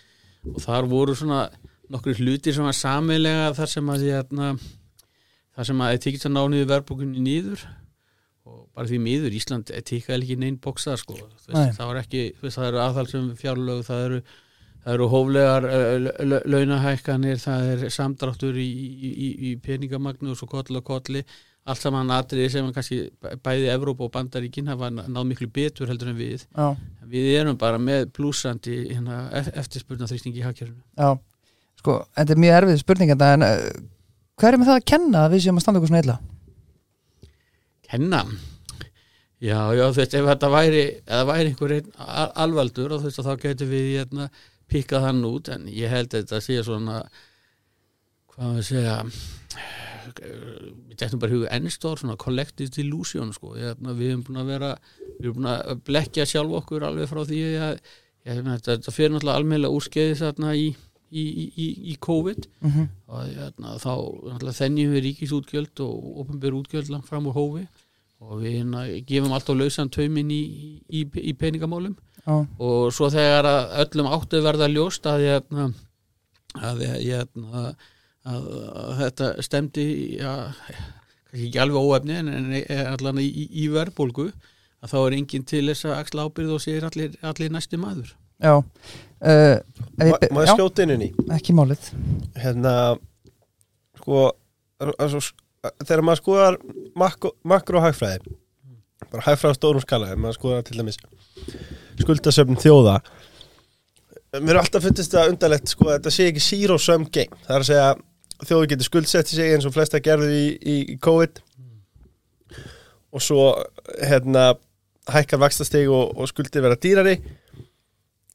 Hvað hva gerist þegar allt rínur þú veist Já þess gjaldmiðli náttúrulega þyndur þannig að það geta allir auki skuldir í einu, í einu. Og hérna, það gerðist náttúrulega eftir að öll tenging hvarvendanlega við, við gull hérna, hvað, 15. ágúst 71 þannig að hérna, og síðan hafa skuldir heimsins hækkað alveg, alveg gríðarlega mikið.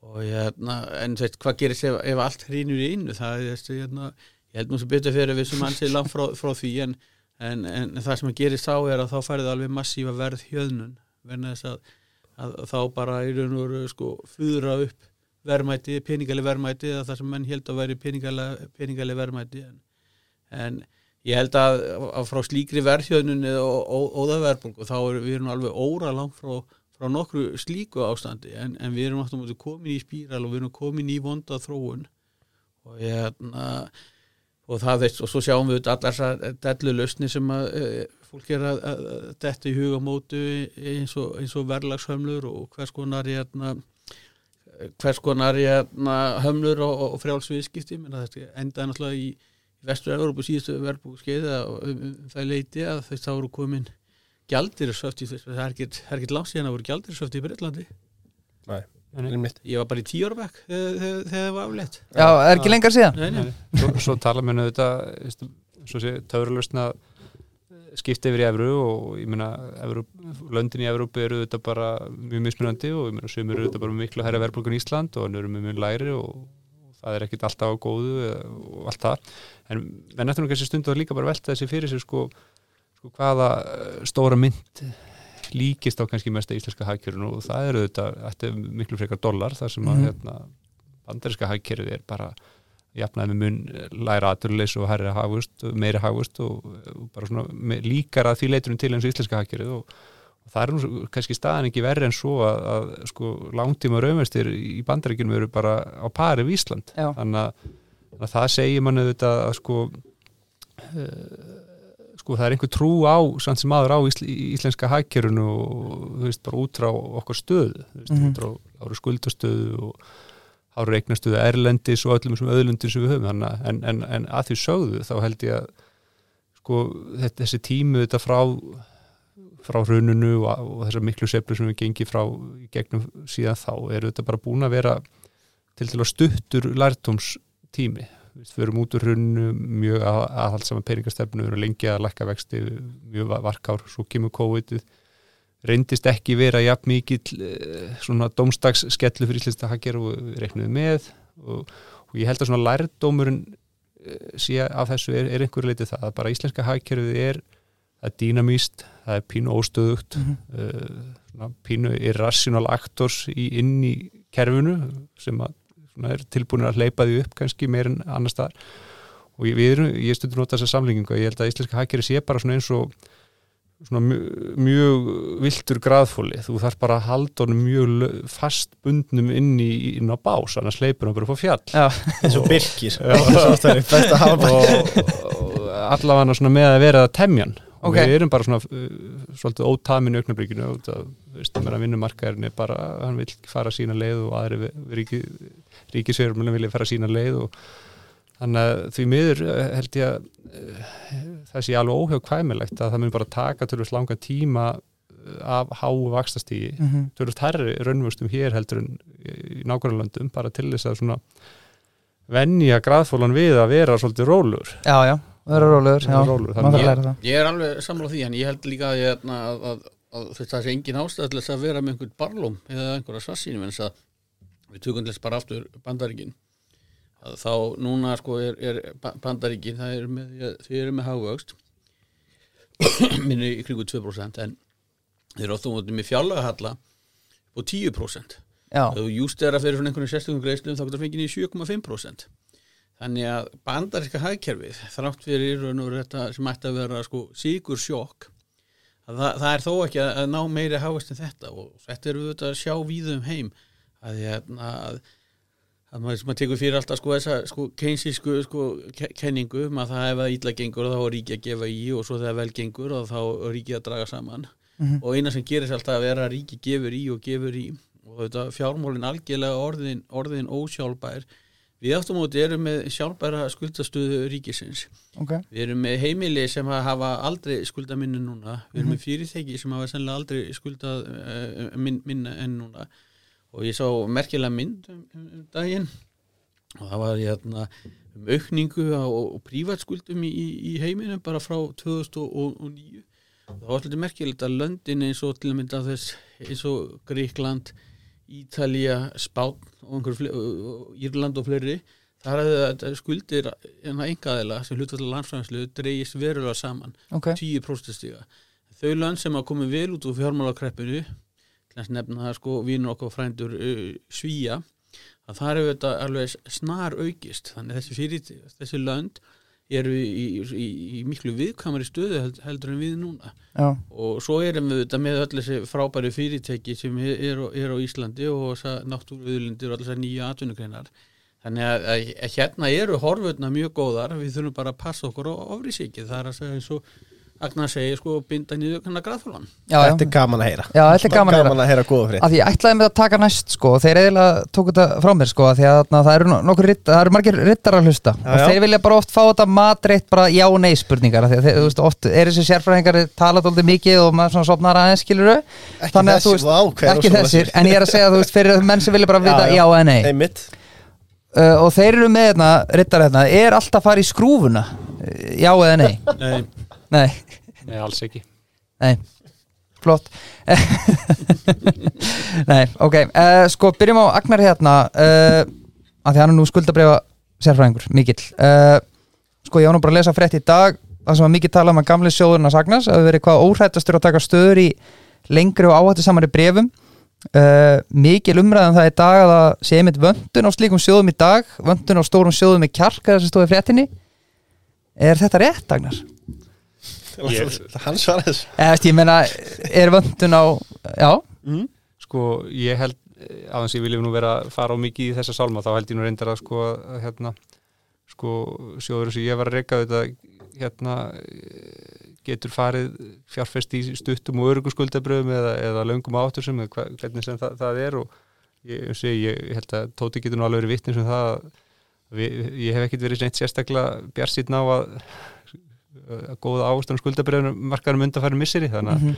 ég er ekki vissum að það hefði eitthvað bætt stöðun ef ég hefði verið ennþá undir stýrinu nei og mér finnst þetta bara svolítil, svolítil einföldun líka, það er bara búin að vera hérna, mikil velta á skuldabröðmarkanum, mikil Mhm. skoðunarskipti og, Já. og hérna, það eru bara margir virkir aðalar á markanum þannig að þetta er svona umræða það sem er verið að reyna að búa til eitthvað úr, úr einhverju sem er ekki að spila neitt hlutverk held ég á, á í verðmyndunum markanum í dag? Já, við sjáum mynd frétt í dag þarna sem kemur bara skuldabriðamarkaður, ég held að Ólafur fangast verið byrtu að vera að tala með þetta skuldabriðamarkaður verið að dýfka og veldur hlutaldi ekki herra um ára bil.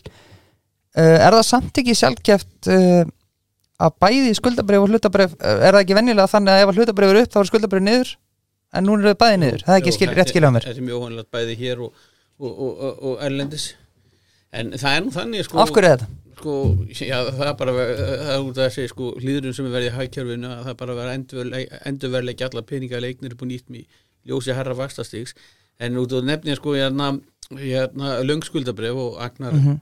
segir að hérna að, að kallaði þau áhættu samar skuldabref að, sko, að, að teknu til því er sko ef maður horfir á og tap á kaupmætti bæði í Breitland og Bandaríkjunum á 2000-öldinni þá hafa, hafa fjárfæstar tapa meiri kaupmætti á löngum ríkiskuldabrifum heldur en hlutabrifum. Það þetta að kalla sko þetta að reikna út frá drawdown sem er það, það, það mesta sem þú tapar einhver tíman á, mm -hmm. á holding perióðinni sko frá því að, að, að, að þú kaupir. Þannig að, að að, að skuldabrif eða löngskuldabrif eru þetta mjög áhættu sem skuldabrif ríkisskuldabrif hafa ekki greiðslufalsa áhættu en þeir hafa mjög mikla vaksta áhættu og raunir miklu meiri heldur en, heldur en hlutabrif sem hafa líka gjaldfróta áhættu eða annars líkt og hérna, ég held þetta sé sko, þetta er að gerast í heiminu núna vegna þess að, að peningakerfi það er svona bara Það er, nú, það, er, það, er, það er langt í frá að fara, fara á hjörunum en það er bara algjörlega búið ofitna og, og til þess að, að, að ná kontroll á því, á því aftur að þá hefur verið að þrýsta upp raunvöxtum mm -hmm. og, hærri raunvöxti því að hérna, allt greiðsluflæðin í framtíðinni hefur læra núvirði og, hérna, og þess vegna gerist það. En árið sko í bandaríkjum þá er oft hort á sko viðmiðunar fyrir lífyrskáfjársingar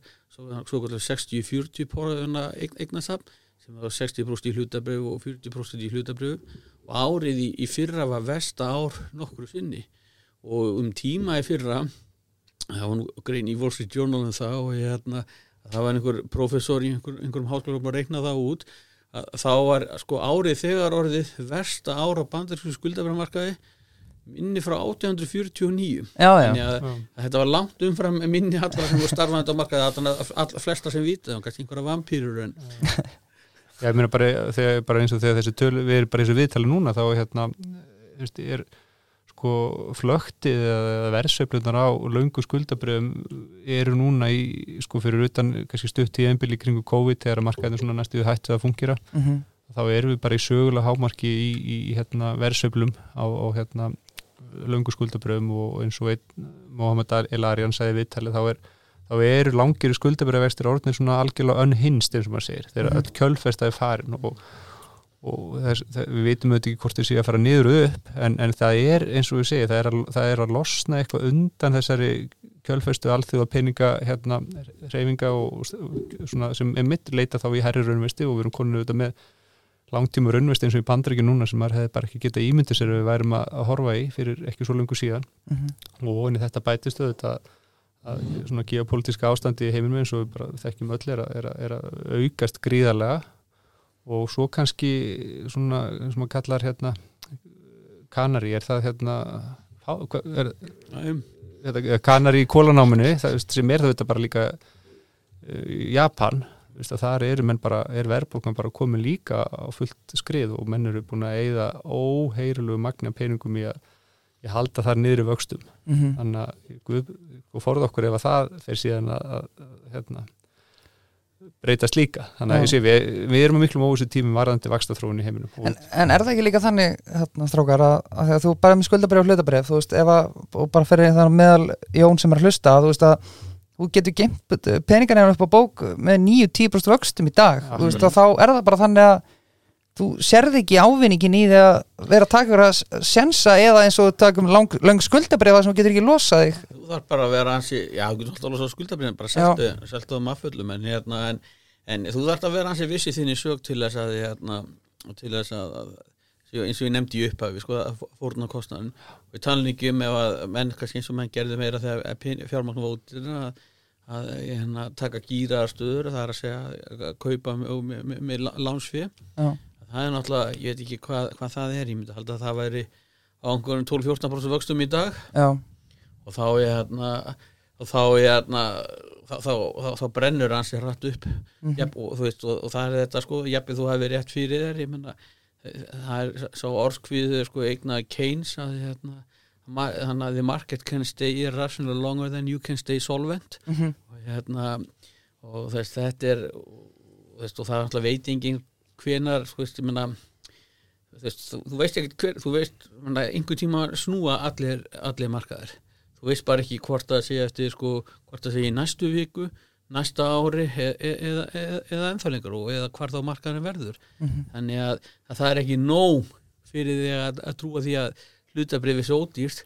Þú eru líka sko að fara að fá eitthvað svona þor og, og, og trú á því að, að, að markaðin sé fara að bekina það Mhm. Ég held að það verið þetta hitt alveg naglan á höfuð sko með uh, löng skuldabrif að að, sko við erum að koma úr tímabili þar sem að fjárfestar hafa runni sérstaklega langtíma fjárfestar sem lífur í sjöður og það, það hefur verið einhvers konar premja sko, e, sko sem þú hefur verið til í að borga fyrir að festa vexti til lengri tíma eins og Mhm. vorum í svo miklu lágasta tímabili og hérna menn vildu alltaf festa vextinu til lengst fá smá kannski örlítið herri vexti en ég held að við séum í í miðri á núna með að fjárfestur eru farin að hugsa hérna eh, það er áhætt að festa vexti til lengri tíma og þú vilt fá almennilega Mhm. borga fyrir það Já, hérna, þú vilt fá borga fyrir þessa áhættu Mhm. og, og við erum svolítið í miðri á núna að hérna, endur verðleggja það á Mhm. sama tíma og, og, og sko, ríkisrekstur víða er, er fer versnandi. Mhm. hvort sem er í bandaríkunum Íslandi eða á Ítalíu að, að fjárfæstar eru allir að horfi þetta heyrðu, er þetta að fara að batna? Er, Mhm. er, er, er hallin að fara að minka er útgáfa ríkiskuldabur að fara að minka Já. og það er svolítið erfitt að svara því játandi akkurat núna. Já.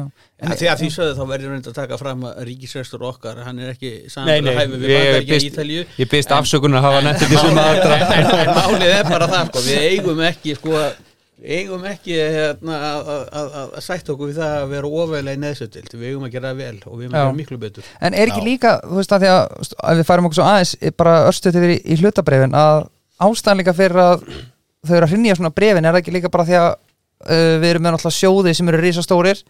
Lífeyrissjóðin reyndar örgulega eins og ég þekki ekki betur en að þeir séu bara halda en allavega þú veist, fólki vanta kast það er að hækka vextir og annað þannig að sjóðin verða að selja og það er, og það er enginn að koma inn í staðin sem því er þá að hlutabrefin verð lækkið ekki? Nákvæmlega.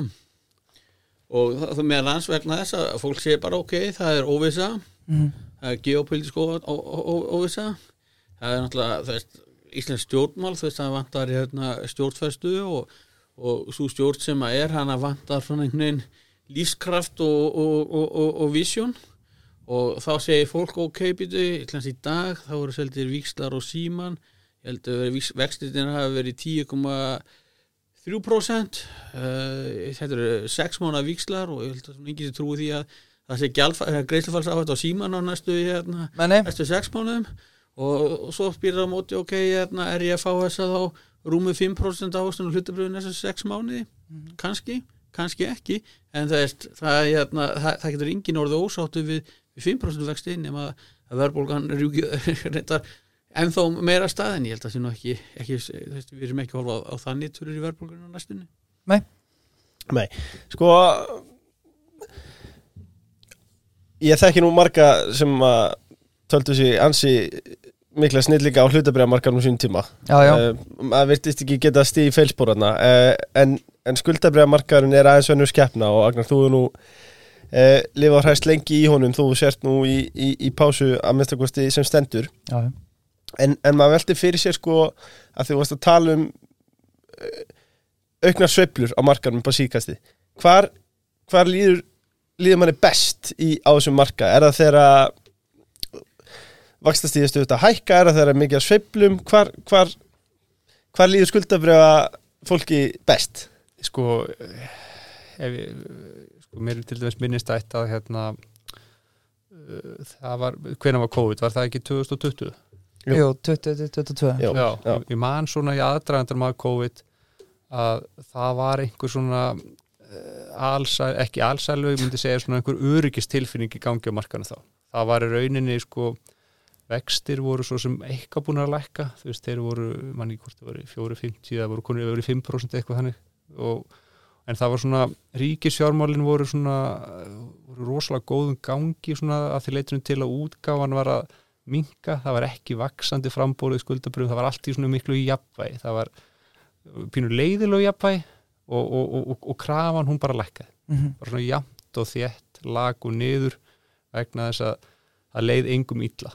Það var ekkert svona veist, þannig að ég myndi segja uh, að spurningi svara spurningunum með því að það er einhvers konar svona leiðilegu ástandi það sem er uh, einhvern veginn lítil óvissa það er hlutning gangu sín vana gang og, og, og, og það, hérna, það er engin svona órói í gangi Mhm. það var svona mann ég einhvern veginn eftir þessu tíðembili setjum hlut árs 2019 inn, inn á 2000, 2020 að verðið á skuldabröfum það bara hækkaði bara af því bara vegna þess að það leiði engum illa Mhm. Þannig að kannski svona á öðru ólustuðu þá held ég það sé svona það besta umhverfið. Já, algjörlega. Uh, Hvað sér, Birki, vildur við fara í, í hlutabriðamarkaðin eða? Þú ræður bara. Ok, hérna, eitt sem ég langar að taka uh, sem að skiptir nú miklu máli og hefur verið í, í deglunum mikið og æ meira sem er vel Já, já, er loftslagsmálin. Við sjáum að, að sjóðir þurfa að fara að gera grein fyrir eignasafnu sínu og, og losun. Hérna hversu mikilvægt er að, er að setja hvað er á fjármálafyrirtækin að gera þetta? Þórður?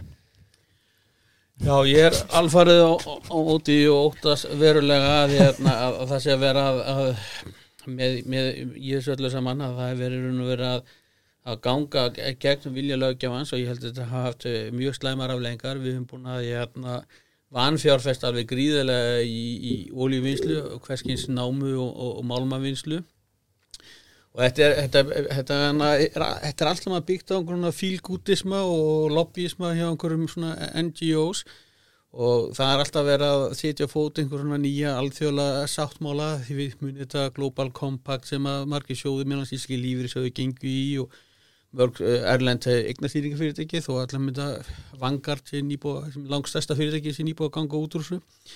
Og ég erna og þetta held ég hafi sko veikt alveg gríðarlega stöðu okkar bæði í sko þetta minna ég beð þó maður trú á orkuskipti og, og hér, hér verðingin sem orkuskipti það þetta er yngum yngum í hug að, að, að við hættum að nota jarðefna elsniti svona næstu 40-50 árin þannig að mm -hmm. verulega hörmunga kæmi en við erum í raun og veru að útvista allir þessari vinslu til landa sem eru óstöðu pólitísk oft á tíðum með ansnúin vesturlöndum og með alveg hræðilegt svona trakkrekord í hérna, marreitindamálum og litla virðingu fyrir um, umhverfismálum. Þannig að það eru ekki að vera að, hérna, að vinna umhverfin neitt gagn, heldur bara svona fríða samvisku hjá einhverjum svona uh, vestrænum millistjórnendum sem vantar fyllingu í lífið og vil trúa því að það sé að bjarga heiminum. Nú þetta er fyrir að fara út í það núna að það vera að beita bankakerfin og setja hverskins hömlur. Þá kannski með daginn að þá var Guardian einhver fleiri blöða uppljóstra því að, að einhverjir efrski banka væri búin að selja skuldabref sko, til olífinslu sem að ætti náttúrulega bara allir að hérna, ættu allir að, að, fagna til þess að minka hvað við verum háði hérna, rúsum og, og, og sátum. En ég hérna að síðan er núna og ég, ég óttast að bara innan fára ára að ef að fjárfestar mm -hmm. vilja hérna hlans fjárfæst í ólífinslu að þá verður bara hennilega meina að gera það í gegnum bankakerfin með einhverjum svona þau þurfa að uppfylla einhverju skilmála um, um, um hérna, sjálfbærni og eitthvað svona grænt út sko. og þetta er hérna og það sem að vesta í þessu eru þetta er það að þetta er algjörlega ólýðræðslegt ef fólk vil hérna, sko, koma svona einhverjum reglum í gegn þá að gera það í gegnum þjóðþingin. En það sjáum við það að þjóðþingin er að hérna núna síðast með hérna, þetta er gaspumps í, í Breitlandi Rísi Súnak var að, að, að taka sérstök gjöld fyrir þau að neyða, hérna, neyða fólk til þess að sýta inn mm -hmm. þess að, að spara orkun og orkun en þá, þá eru bankarnir aðilar að Global Compact og eru búin að hérna, hérna, skuldbinda sig til þess að til þess að framfylgja þessu. Og þjóðþinginu, sko, bankar náttúrulega eru hálf ofinber fyrirtæki og hérna, njóta hvers konar velvildar og, hérna, og, og, og venda ríkisjótana eins og bankar hérna og raunar lífeyri sögur líka. Og þá eru þetta algjörlega óþólandi fyrir, fyrir þjóðþingin að það sé gengi svona gegn bæði sko almannavilja og ekki síður gegn skýrum öryggis og efnaðslegum hagsmunur ríkjana í einhverju svona vitleysu. Já, Greina gott svar, takk já, fyrir. Agnar, viltu bæta ykkur við þetta? Það er nú erfitt að koma að þessu svari hérna, kannski eitt svona, þú veist, ég er nú ekki kannski alveg, alveg jafn djúpur á þessu tótið, en bara tótið er náttúrulega bara kynnt sér mál alveg greiðlega vel og Já. ég ætla ekki að þykjast hafa gert það jafn vel og hann en uh, svona alltaf eitt til dæmis eitt svona sem kemur stundum upp á Twitter að hérna að það byrtir einhver mynd af hérna gerst oftar en einu svona einhver byrtir mynd af semst þróun koltýrislósunar í heiminum. Já, og hvernig hún, henni nú skiptnir á mismunandi ríki. Og ef maður horfir á, á Evrópu og Bandaríkina þá er bara augljóslega í gangi alveg ákaflega jákvað þróun. Hún, losun er bara að minka frá ári til ár sérstaklega á hérna 2001. öldinni uh, bara mikil lækkun en, en Indland og sérstaklega Kína Kína er runni bara í exponential vexti bara exponential og, og ég ætla ekki að, svo sem að, að hérna, koma með einhverja lausni hvað er hægt að gera til þess að hérna, breyðastu því en, en það verðist engi vilja ræða þetta Nei. það er einhvern veginn bara þetta er ekki við, að, það að Vesturlöndin séu að draga úr losun við hefum samt einhvern veginn að vera skvetta málning og vinsett gó og, og, og, og, líma okkur niður á ég, ég, ég ættu kannski að gera það bara í Kína? Ég Já. veit það ekki, ég ætla ekki að þykjast að hafa svarið, það verðist allan eins og sé alveg ævindrilegur tvískinningur oft í gangi um loftlagsmál skjóta kannski inn í með þetta að, þið, hérna, að það er það sko, mesta uh, samdráttur sem hefur verið í, í, í bandaríkjónum hefur verið vegna þess að þeir hafa sko hérna, byrjað að þetta fracking að búa eftir jargasi Mhm. og skipt úr kólum fyrir jargas en svo eru sko þessi sjóðir að þeir bæri og það eru, ég held að þessi díski lífri sjóðar, þeir eru með hérna bann við fjárfæstingum í fyrirtækjum sem að hérna, er að vinna jargas eða, eða fracking. Einmitt. Þetta er þetta alveg galið. Já, takk fyrir. Þetta var skemmtilegt. Þetta var mjög gott. Já, En ég spyr, er til Já, eða sko Fyrst við erum að ræða lofslagsmál þá finnst mér nú mikilvægt að taka á því að að skipti máli að velja líka sagt, ekki bara kjöta því að það er minni lósun á græmitinu mm og söpvi erum við frábæra græmitsbáta já, já, heldur betur. Uh, Birki, hver er þinn upp á spátur? Það er BMT, Það er BMT ítalska BMT Mm. Er ekki reynda bara kjöta honum með Jú, Já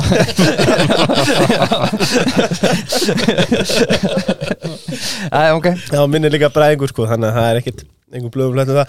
En hérna, eitt að því ég veit nú að það eru margir á fjármálamarkaðurum að hlusta. Já, Mér langar að benda á að, að ég held að sé 20% afsláttur af veisluplötum já, þú segir uh, CAD, Kat, bara kat, já. Mm, hann er að, nú sérstaklega þegar verðbólgan er, er há, Já, þá það það maður afslátt sko það verður að skera um nögla og mikilvægt að ef þeir eru með fundið annað slíkt að, að nýta ykkur en afslátt. Rétt Og, og svo langar mér líka að minna á lengjuna. Já. Ég sett á Íslanda mótið Luxemburg og Líktenstein. Já, dabbar á mótið Luxemburg Já. En Ég, ég tók aftur og aftur, ég setti alltaf 12 skall eftir að Ísland skoraði, Já, þannig ég stórgæti á Líktenstein. Um, en en svo, svo vinnur maður bara alltaf þegar maður teipar á lengjunni. það er bara þannig Maður er bara að styrka gott málumni. Og mér líður vel til maður tapar þar Já, ma- mann er að gera mér allavega. Mm, sko, eitt sem við erum ekki búin að taka strókar, uh, um það sem undir þú sérstakka stað upp á íslenskum fjármálamarkaði að ríkið á tvo af þremur stærstu bönkum landsins að, að verulegu leiti. Uh, landsbankan er allan og, og helmingin tæpan í Íslandbanka. Um, og við, eh, sko áðurinn komum því, þá kannski ræðum við stutlega að það voru, það voru skipti í, í, í, í ráðneitri um, Heldur betur. Þórdís Kolbrun orðin fjármálaráðara og, og Bjarni Ben komin annað hérna, Við erum ekki sáðandi ef það ekki sá hvernig, hvernig blasir þetta við ykkur? Við byrjum á því, hlaðin spurning. Hvorum vil ég byrja á? Við erum á tökum starfsvið Agnar. Já. Sko ég held að uh, ég hef bara trú á henni Þórtísi Já, að, Sammála því. að hérna sko ekki það hérna ég meina uh, eins og við sáum minni minna Davíð Oddsson, hann, hann fór úr því að vera fórsetisráþari að vera já ég held að sé kannski aðeins meira challenge að fara hinna leiðina en Já. ég er bara að trúa því að hérna að henni, hún bara svona hrista aðeins upp í þessu og, og hérna við sjáum eitthvað svona þú veist, ég er ekki að segja að hérna, setja að bjarna, hann er bara búin að vera það mjög lengi og, og þetta gera ímsa góða hluti, við mögum ekki taka á hann að hann stóð nú að hérna mesta, hvað maður að segja, mesta svona efnaðslega vinni í íslenskar efnaðsögu, Mhm. þannig að hann heldur betur sáði vel í sörðin á sínum tíma Já, en svo bara er oft gott að breyta til og, og hérna. Þannig að ég ætla að leiði mér að vera bjarsinn að, að, að þetta séu góð skipti. Já, en ég, það hangi kannski samt á svolítið á stjórnarsamstörnu sem Já. verðist þeirra orðið svolítið, svolítið þreytt að það lítið til þess að hérna, geta eitthvað komið þar upp já Uh, Þórður? Já, mér líst bara vel á Þórdísi og bara vona hún síni metna í starfi og ég þá full að trú að hún geti staðið sér vel en ég get sagt það að, að þetta komi verulega óvart þessi hérna, að þetta skildi vera að gera svona en þess að Var þetta ekki eina í stöðinni? Nei, mér finnst ekki, mér finnst það hérna, mér finnst þetta um, umbóðsmann, hérna, þetta álít umbóðsmanns alþingis, mér það ekki sko, stert eða, eða, eða trössveikjandi og, og ég held svona oft að þó að menn séu snuðbara hinga og þanga sko, þá hafa verið að ef þeir hafa, hafa sko nú mikla samfæringu og, og vilja þá geta bara steitt nýðan og rífi kæft á móti og mér finnst það að vera full ástæða til þess að hérna að láta þessu á, áliti ekki ósvarað svona og svo bara með, með framhaldi sko að ég, hérna, ég finn svona þessi stjórn að, að svona ekki það að ég held að ég sé henni eftir í huga en ég, hún, sko, hún á eftir alveg að sannfæra mig að hún hafi erindi og, og vilja mér sé það svona allt og mikið sem að heyrir sjálfstæðsfólk var að tala um það að, að hvað annað í staðinn og, og, svo, og svo framvegis mm -hmm. ég segi bara menna að Íslandi fyrir staðið frammi fyrir erfiðum kostum í hvað 11-1200 ár og, og, og hér eru, erum við og okkur er veldri vegna betur og, og þess og menn bara leysa það þá mál, mál, þau mál sem að, sem að sko framtíðin byrja í, í skauti sér. Já, og ég hérna Þannig að, og ef að, ef að, ef að það er málið þetta, eru það með að frestuninu óumflýjanlega en þess að það er ekki til vinslega fallið að, að sitja áfram í stjórnin stjórnin hafi eitthvað erindi og hafi eitthvað fram að færa og, og hérna, já, ég ætla að vona að henni takist það en, en ég get ekki alveg séð það á þessum tímamóti nei. Nei, einmitt, það það er mikið búið að dynja á, á Bjarna og hérna, hann hefur staðið ímislegt af sér. Já, þannig að þetta er aldrei merkilegt. Mér fannst svona einhvern veginn svona á blaðmannafundinum eins og það var engin ánæður en hann að hann væri komin í, kannski var hann bara komin í smá kulnun eða eitthvað Ég, fannst það nú svona, svona, svona dramatískur og ég, ég, ég, ég, hérna, var spurning, veitir hvað, er Bjarni var að segja sig? Ekki, og hérna, svo byrjaði ég að hlusta "Bíddu, hvað er þetta í gangi? er, er og þá var ég búin að lesa þennan stýttir útgáfuna Já, álítið er, ekki verið að grínast með mann hérna sko. Já, já, Nei, nei, það er eins og var áhugavert sko, skuldabriðamarkaðin, hann einmitt hérna uh, svona á, já, setni, setni part dagsins, sem var þetta ekki mánundi já, þá var, var skuldabriðamarkaðin komin á þá skoðuna að hérna, stjórnin myndi óhugkvæmilega springa já, og, og var sí- síður svo res, res með það þannig að skuldabriðamarkaðin virðist allan að trúa því að hérna, þessi stjórn sé skárin einhver önnur stjórn. Já. Já, já. Sko, örstutt, uh, af hverju gekk hann að skuldabriða útbúið hjá Reykjavíkuborg svona illa? Já, bara östuð eitthvað, hafa ekki gíla Já, sko, það var reyndar mest að, sko, seinasta Það útbóð, sko, það gekk ágætlega. Ok, og svo útbóðið þar og undan gekk held ég herfilega. Já, og svo var náttúrulega þetta fræga útbóð það sem að sko, sko skuldar álægið í, í hérna á skuld, eh, held að það verið hvort það var óvertröða breyði, sko það var í algjöru lámarki á árunu bara að það hafði sko dundrast niður já, og þá bara akkurat ákveðu bara að hafna öllu.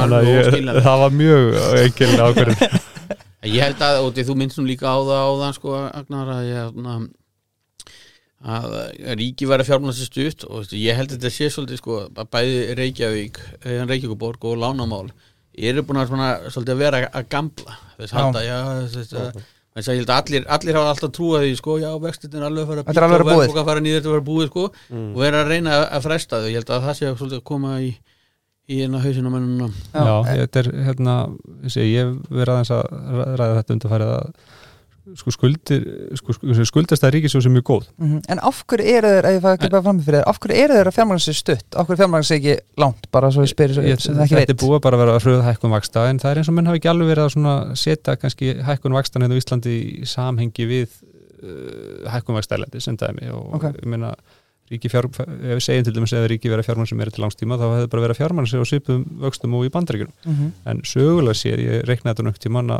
frá aldamótum þá hefur þetta verið sko yfir 2% munur sem Ok. er sko til 20 ára Já, sem er gríðarlega mikill raunvastamur Mhm. þannig að við erum búin að vera svona senustu 12-8 mánuði í sjaldan verið jafn hagstað vakstakjur út á langandan mhm. en þannig að þess vegna held ég þetta hafi verið mjög misræði hjá ríkinu að, að, að lána, lána málum að, að, auk, að auka skamtímútgáfan og, og eins og stað núna þá er sko februar 2026 þá er rauninni nokkri gjaldar en til og með honum þá er þetta 450 miljardar sko án vaksta Mhm. þú veist, með vikslum Já, sem erum að gjalda mhm. og auðvitað náttúrulega munir ríkið rúlega einhverju viksla útgóða áfram en hún er samt langt dýrust þannig að Mhm.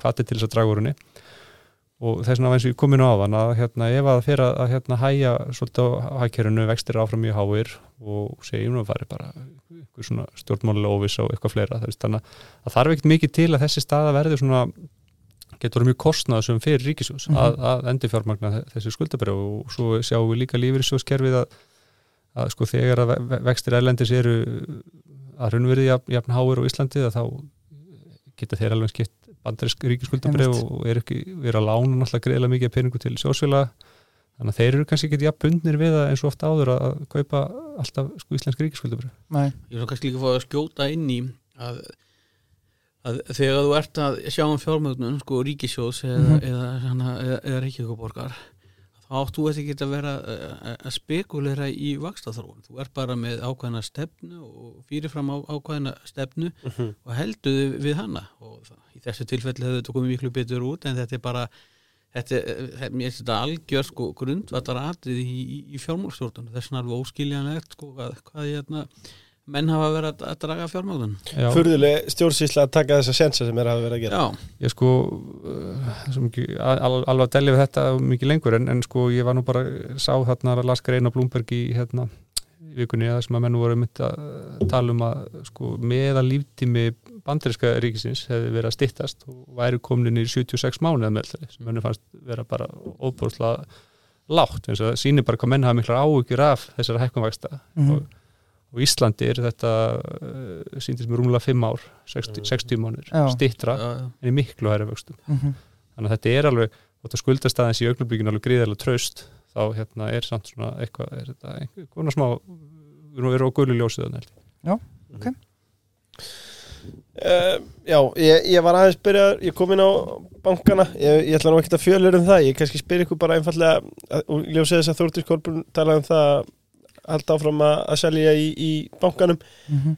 um, er það ætti það að vera ofalega bauði hjá ríkistjórnir að selja bæði í Íslandsbanka og kannski í landsbankanum líka?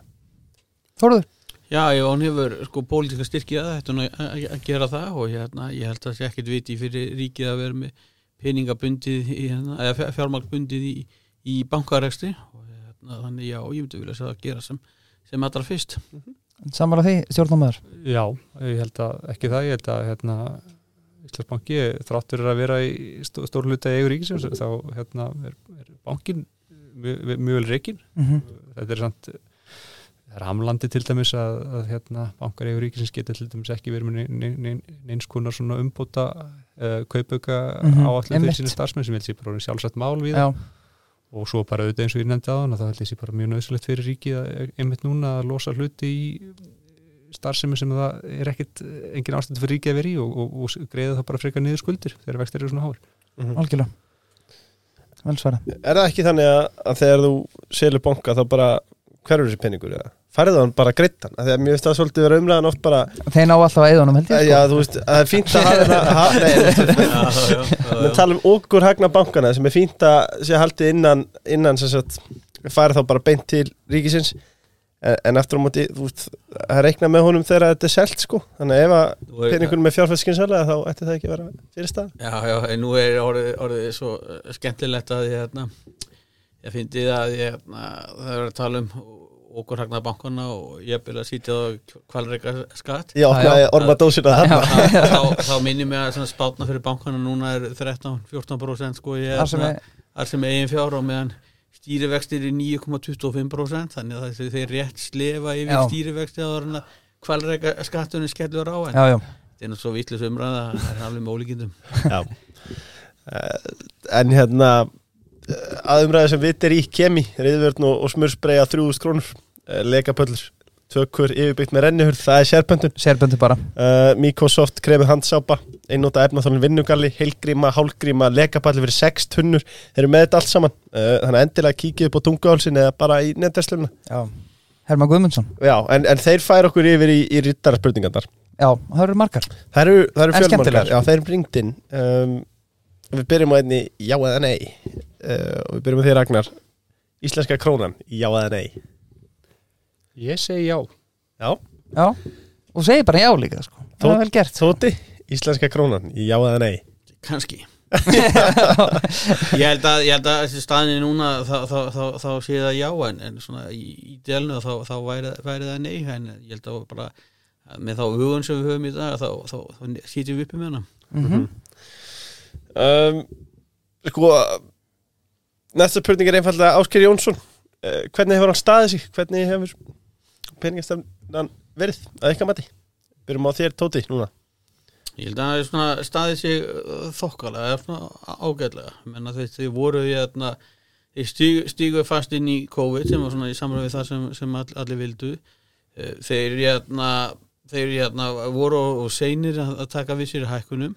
Og hérna en þó fyrstir sælabanka til þess þannig að það er einhver prík þar en síðan hafa e, e, e, gengið hérna, ekki nógu hart fram. Já, Agnars Já, ég sko út frá bara eins og peningastefnunni ég sé alveg sammála með Þóruði að líklega hefur þurft að fara fyrir að staða brattar en ég held eins og á móti það hefur verið mjög erfitt að sjá fyrir Mhm. bæði auðvitaðkomandi atbyrðu og svo bara hvað þessi verðbólga er erfið að ná niður hér við og annars þar en ég held að það er reyndar að þeir séu á, á hérna skilabóðin hafa á þessu ára minnst okkur verið finnst mér góð, stíð fast í jarðar og hérna í mínum huga hefur ekki verið allan að minnst okkur neitt vafum það að þessi peningastefnu nefnd muni halda áfram að hækka vexti þar til að verður unnið buga verðbólkunni. Mhm. Ég hef engar ágjörði þeir, þeir fara ekki yfir 10% vexti ef að það er það sem þarf. Já. Tóku við sér þess að pásu seinast en ég held ég Hver voru skilabóðan þar? Og þau voru rauninni að það var svo stutt frá senast að þetta var ekki peningamál, þetta var bara svona vexta ákvörun, það var ekkert í kannski tölunum sem þeirra, út frá þeirra tölun sem, það Þetta er ekki að því að var eitthvað, eitthvað, eitthvað jákvæða blikur á lofti eða neitt slíkt. Nei, það er rauninni bara að, korki, að þeirra mati var að korkinni. Þannig Ok. að þeir eiginlega, ég tólku þetta ekki sem að þetta hafi verið Við skiluðu bara auðu eiginlega. Svolítið já, og ég, held að þetta hafi ekki verið gert undir, ég tólka þetta ekki eins og þetta hafi verið gert undir einhverju pressu eða eitthvað þannig, þeir bara raunum verulega Já, taki ok. bara þá stærra skrifu næsti ef, ef að það er það sem þeir meta. En, en eins og ég segi, það er hérna ég treysti þeim ágætlega allan eins og, eins og það er hérna, það er nýjar, nýjar eh, konur uh, áskerður og herdi segir maður rétt. Og þær hafa nú bara verið virkað svona allan út frá fundagerunum eins og þær séu nú bara frekar harðar sko. Já, já, og eh, séu ekki ólíklegar til þess að sveigjast með einhverjum ál, almenningsáliti eða einhverjum ákvörum frá stjórnmálumönnum eða, eða verklegsfóringi sem verðist nú vera nógum einmitt. Uh, Tóti, þú varst ekki ánægða með að þeir skiluðu auðu þannig Nei, ég held að svona, við hefum svona bara einhvern veginn eh, tölurnar og með þeirra eigin, eigin spá þá held ég að þið þurfa að hækka, hækka meira. En ég er ekkert, ekkert, ekkert stórkvæmlega ónaður ég er heldur rétt á þess að stutt í næsta fund þannig núna í november og við erum svolítið í, í millibils ástandi hérna, við erum að sjá svona hvernig endanlega afgreisla fjárlaga verður og við þurfum að sjá svona, til lands í þessum kjara sanningum sem verður nú alltaf fyrir kannski svona um, um næstu, næstu páska. Sko, ég verð að spyrja ykkur um báða. Þarna, Hvað geta stýrivextir farið hátt á hana bara, að því áðan spyrja hvort allt var að skrúna því sögðu nei. Hvað, hvað geta stýrivextir eiginlega farið hátt? Sko, ég minnir að þessi eitthvað í 67% í Tyrklandi eða var það að herri Sko, stýrivextir nafn, nafn stýrivextir skipta sæðlabankan engum máli Nei, Það eru raunstýrivextir og þeir eru orðni jákvæðir og það, það er auðvitað hana, mjög jákvætt en það gerðist ekki fyrir en einhver tíman síðasta vor og það þýðir þá að, að, að þeir eru farnir að býta þannig að veita aðhaldi í, í, í hagkerfinu. Já, og veist sko ef við horfum á ég man ekki með sko þeir eru kannski núna að fara að nálgast 2% minnum með að Sælabankin er sagt og þeir svona kannski fóru hæst í þetta 5 kannski tegði sig eitthvað 86 sko þarna, þarna í byrjun tíund áratugarins Þannig að það væri svona 15-16 í dag Já, já, það væri, já, svona, já, svona 14, 13, Já. 14, 15 sko, hérna, en, en ég held að það sé nú engin ástæðlis að við þurfum að fara í, hérna, í, í, í slíkta aðhald en þó, en, en, þeir, þeir muni þurfa eitthvað að býta. Nú er sko fólk að hlusta sem er kannski með óvertriða breytilega vexti Mm. Þú veist, þetta er ekki gaman að heyra þetta Nei, nei, en ég er náttúrulega ekki að spá því að þetta færi, farið þangað. Nei. Ég var að segja, sko, ef við værum í svipaðar aðstæður og þá, hvar væru stýrivexnir í dag? Já, Ég heldur reyndar að sé sko fyrir hagkerfis og Ísland sem er hátt lánsæfi og, og hérna eh, svona, hvað maður að segja tikkar í mörg bóks fyrir Mhm. erlendi fjárfesta að auðvitað hefur náttúrulega verið rú- mjög lítil ásókn í íslensk skuldabrif frá erlendis frá undanförðum árum já, það þá aðeins verið eitthvað blíkur á loftu undanfærið en ég held að eitt sko sem getur verið svona kannski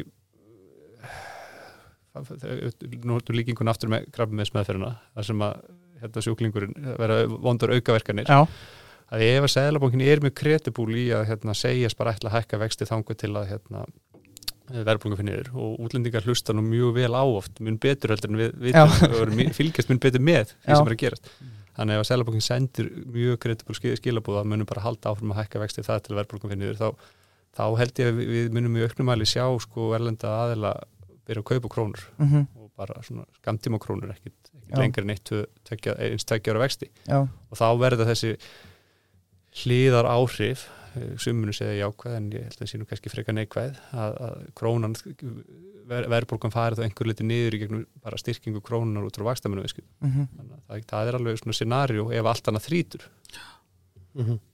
Já. Já, ég ætla nú að fá að venda þessu kvæði í kross og, og minna þess að búluna já, eh, Sko, málið með búluna Mér finnst mig, Það læðist að mér sá grunur að þeir, að þeir taki sko heiðarlegan ís og hrista bara staðnum til að búa til mjólkuristingi sinn Þetta, þetta sé sem þetta ekki bara, já. Þetta er búið Þú til úr, bara ís á staðnum sko. ég hef ekki pælt í þessu. Alvöru, alvöru mjólkuristingur á gamla skóla sko, og, og hann er svo þykkur og góður. Burger og shake er alveg dálítið gott dæmi Ég er sko. svo erstu með franskar hliðin og þú ert að þeim í shakein það gerist ekkert mikið betur en það sko. Nei, og, og aðeins um búluna ég var að taka þetta saman, það kemur kannski mörgum óvart en þetta eru tíu staðir í heldina ef þú telur drukki með já ok. Uh, þannig að þetta er, Það er alltaf Það er stutt í næstu búlu það er engin afsökun að segja Nei. að búlan sé og langt í burtu sko. Nei. það er bara engin afsökun. Um, og þeir eru með að, já eða nei spurningu. Búlan spyr bitcoin, já eða nei? Agnar, byrjum á þér. Má ég bara segja á það nei? Já, Nei, eða nei. nei, nei, fyrir ekki, nei. Eh, ég, ég segi nei. Ég held að hérna sko frumskiliri til þess að Bitcoin svona uppfyllir þar væntingar sem margir hafa til Bitcoin sem er, virðist vera annað en bara gjaldmiðl heldur einhvers konar hérna, fjárfestingar vara. Séu bara neikvæður umvestur og, og við erum bara ekki þar. Í, í hátt í, í 23% umvestum þá held ég að Bitcoin verði ekkit annað en þá bara leið til þess að hvað maður að segja láta pe peningar skiptum hendur. En, en ég myndi, ég sé ekki hvernig Bitcoin á að geta uppfyllt væntingamanna um, um svona fjárfestingar gjaldmiðl eins og við getum kallað sko, sko ég man, við spurðum Magnar að hann kom atna, fyrir 100 árum í þátt nummer 2 hjá okkur. Og þá var hann með svipaða skoðun. Er Bitcoin búin að koma þar óvart? Eða svo veist, hva, hvað er, það er haldið í þetta? Hvað þetta veist aðeins ágætlega? Já, í rauninni, ég held að hérna, ég, ég held að þegar Er þetta að sofa á þessu? Þú raunvistur að hafa hækkað miklu meiri en ég reknaði með og, og þar lendi hefði ég verið, hefði ég vitað það ég hefði hérna, verið til í að sjórta bitcoin.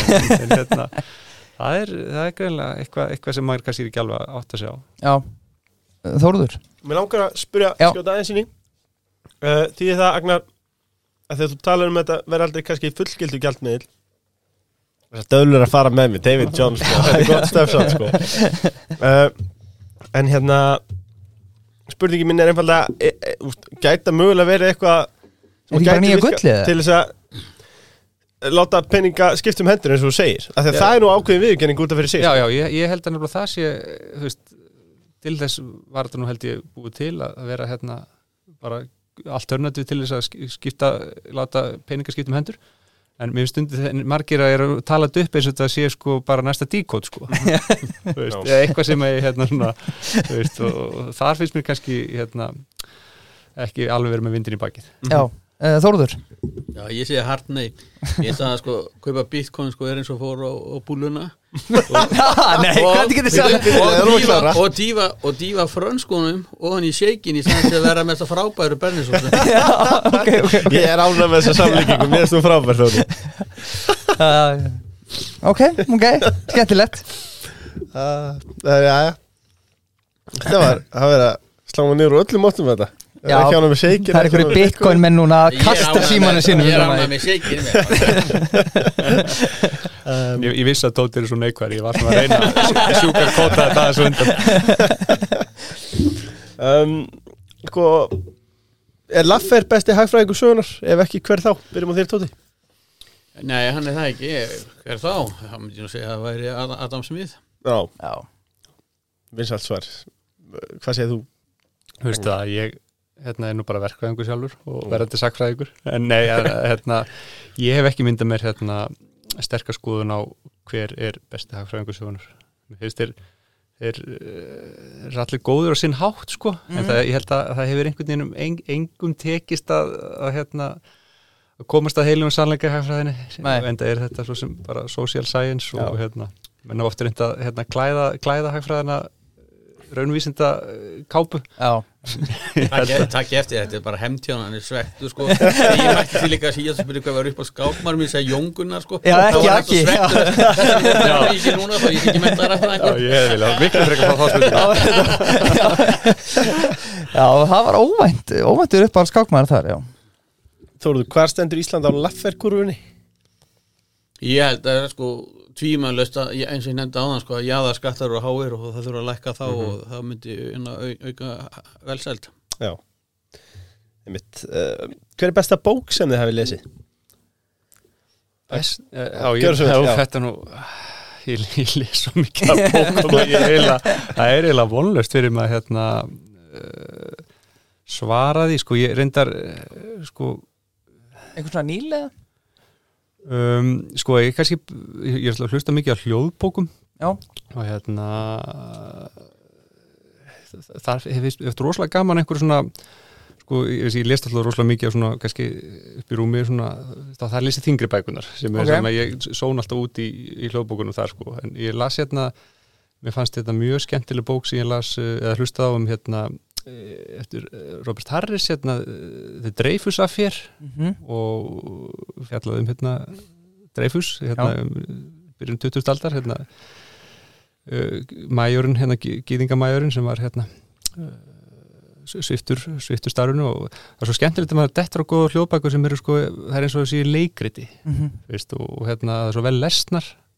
Það er til dæmis einn bók sem ég bara gæti ekki hætt, að- að hlusta á Þórður? Já, ég held ég svara þessi, mann ekki ég hérna einhvers annar staðar að það veri Lord of the Rings og ég held mér við það svara, það er alveg frábær bók Já, Það var að minnsta hvað þér held ég já, Eh, ég held já. það Já, ég held að Annars hveti þá sem að hafa ekki hlusta á þann þátt að, gera það, þannig að frábær uh, Svo eru að sjálfsögum með frumherra og, og hérna þið, þið verða að kíkja á það Já, Það er ekkert flóknara, þetta er ekkert, þetta Það er er ekkert mjög flókið með sko. frumherra sko. Þú veist, það er bara að kíkja með bílinn ykkar í skoðun og gera það hjá frumherra já, já. Um, ekkert sérstaklega flóki Nei, þetta er ekkert sérstaklega flókið. Uh, Það er ekki mikið eftirstrákar, þetta er búið að vera fáránlega skemmtilegt. Sammála því. Uh, Við langar bara rétt aðeins Þetta er, þetta er innan rittarspurningana Afskiptið eins og bara Við erum konum með nýjan fjármálar ára Hver ættu hans helstu áherslu að til að vera núna? Uh, Og hann lætur hérna knifylgja kviði Og þessi, þetta er enda nafnlust uh, Eigum við ekki að koma og leiðu það ekki hinga til landsins Eins fljótt og auðið er Byrjum á þér, Agnar Tómas. Sko, Til að ná stjórn á fastegn Já, á já. leigumarkanum Eh, sko, já, ég byrja að svara fyrir spurningunni uh, hérna, ég held að sko að slá tvær flugur í einu höggi hljóti og, og þú veist þessi, þetta er ekkit meint sem eitthvað neikvært gagvart ríkistarfsmunum eða þeir séu ópenbjörnstarfsmunum, þeir séu ekkit að vinna mikilvæg störf, ég held bara að við, með því að dragur umfengi hins ópenbjörða, þá erum við að slá tvær flugur í einu höggi, við erum að hérna færa störf eh, fólk inn á almenna vinnumarkaðin þar sem þarf virkilega aðeins að hérna, svona, auka frambúða starfsfólki og, og, og draga úr útgjöldur ríkis. Og ég held að eins og dæmin séu komin inn á upphæfi séu bara eina, eina mýmörgum þar sem að sko ríkistöfnun er það bara blás út og engin veit nákvæmlega af hverju. Og það þarf bara saminnaðar það þarf að hérna, ein, einfalda all, alla umgjöru kringur ríkisreksturinn og, og hérna, þannig að það er svona kannski ég held að það hljót, menn geta alveg gert það eins að þurfa einhver að fara, menn að standa nýra austuvelli og tala síðan um einhver blóðu niðurskurir í gangi eða þjónustan sé að minka Mhm. varandi legu það ekki, ég held að hefði eiginlega tóti eftir að taka það sko, hérna, hann er, er alltaf arfa vittlurs hugmynd en hérna en ég, ef ég veit, man veit rétt á held ég að þessi sé engin, engin dæmi um að þetta hafi almennilega gengið upp, hefur þetta ekki verið reynd í, í Svíþjóð og Hong? Kong og- Já, ótalöndum þannig að ég held að þessum bara að svara því út frá reynslurökum að ef þetta hefur hverki gengið upp, akkur ætti þetta að ganga upp á Íslandi? Já, uh, hagfræðilega sé Þóruður ákvörðu gengur þetta ekki upp? Vegna þess að, að sko, þetta er eh, vegna þess að þú ert í raun og með óbreyta spurn en, en falsa verði þannig að verði fær ekki að laga sig að, að spurninni og þá myndast skortur í staðinn.